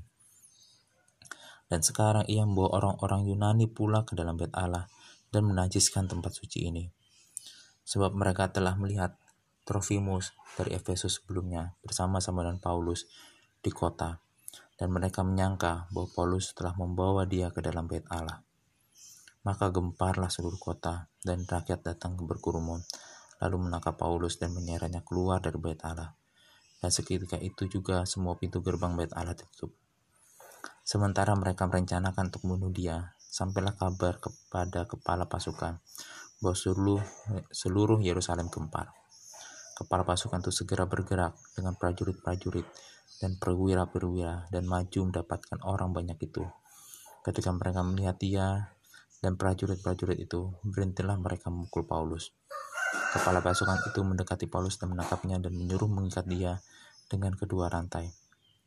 Lalu bertanya, siapakah dia dan apakah yang telah diperbuatnya? Tetapi di antara orang banyak itu, ada yang meneriakkan kepadanya ini dan ada pula meneriakkan itu. Dan oleh karena keributan itu, ia tidak dapat mengetahui apakah yang sebenarnya terjadi. Sebab itu ia menyuruh membawa Paulus ke markas. Ketika sampai di tangga, Paulus terpaksa didukung prajurit-prajurit karena terdesak-desaknya oleh orang banyak. Yang berbondong-bondong mengikuti dia sambil teriak, enyahkan dia. Paulus minta izin berbicara. Ketika Paulus hendak dibawa masuk ke markas, ia berkata kepada kepala pasukan itu, Bolehkah aku mengatakan sesuatu kepadamu? Jawabnya, Tahukah engkau bahasa Yunani? Jadi engkau bukan orang Mesir itu yang baru ulang. Jadi engkau bukan orang Mesir itu yang baru-baru ini menimbulkan pemberontakan dan melarikan 4.000 orang pengacau bersenjata ke padang gurun? Jawab Paulus, Aku adalah orang Yahudi dari Tarsus, warga dari kota yang terkenal di Kilikia. Aku minta supaya aku diperbolehkan berbicara pada orang banyak itu. Sesudah Paulus diperbolehkan oleh kepala pasukan, pergilah ia berdiri di tangga dan beri syarat dengan tangannya kepada rakyat itu Ketika suasana sudah tenang, mulailah ia berbicara pada mereka dalam bahasa Ibrani. Katanya, Amin. Kisah para Rasul 22 Paulus berbicara kepada orang Yahudi.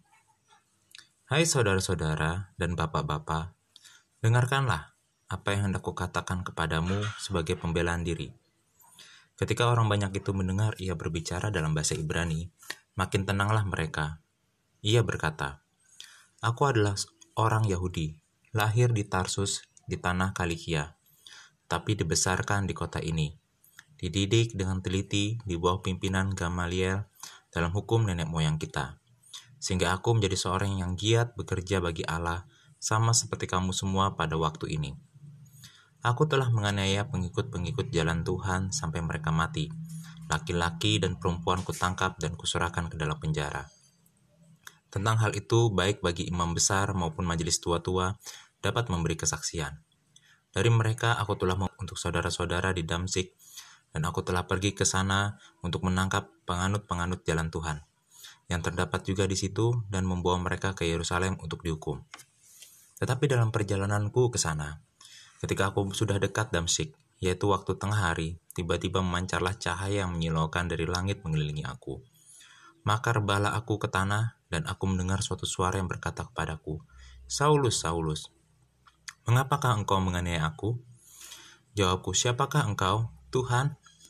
Katanya, akulah Yesus, orang Nazaret yang kau aniaya itu.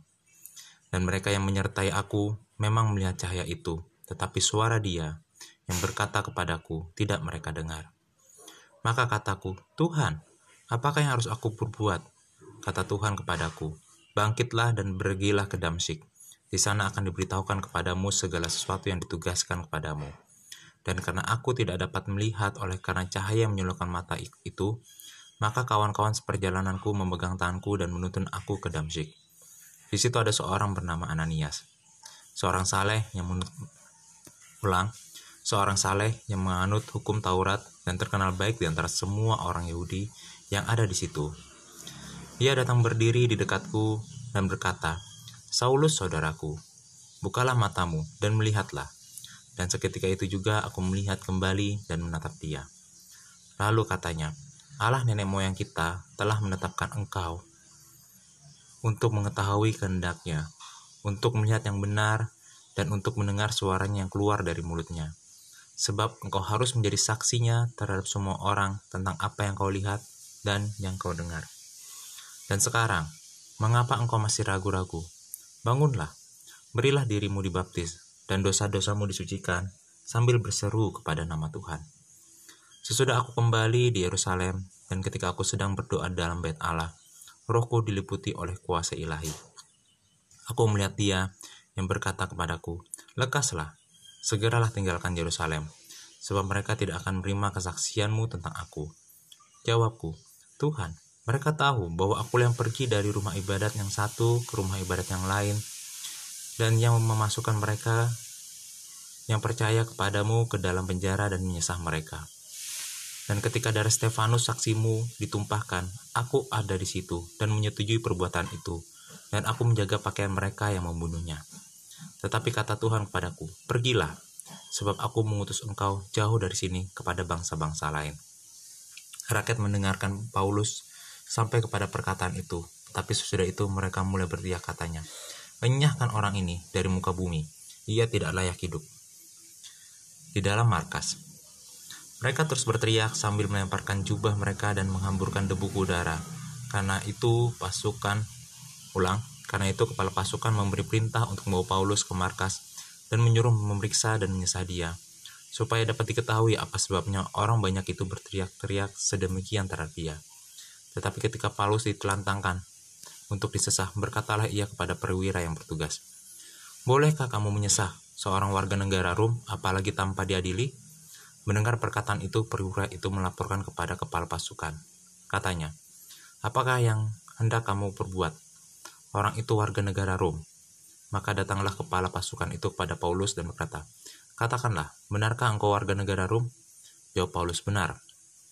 Lalu kata kepala pasukan itu, Keluarga negaraan itu kubeli dengan harga yang mahal. Jawab Paulus, Tetapi aku punya hak itu karena kelahiranku. Maka mereka yang harus menyesal dia segera mundur dan kepala pasukan itu juga takut setelah ia tahu bahwa Paulus yang ia suruh ikat itu adalah orang Rom. Paulus di hadapan mahkamah agama. Namun kepala pasukan itu ingin mengetahui dengan teliti apa yang dituduhkan orang-orang Yahudi kepada Paulus. Karena itu pada keesokan harinya ia menyuruh mengambil Paulus dari penjara dan memerintahkan supaya imam-imam kepala dan seluruh mahkamah agama berkumpul lalu membawa berkumpul. Ulang. Supaya imam-imam kepala dan seluruh mahkamah agama berkumpul. Lalu ia membawa Paulus dari markas dan menghadapkannya kepada mereka. Amin.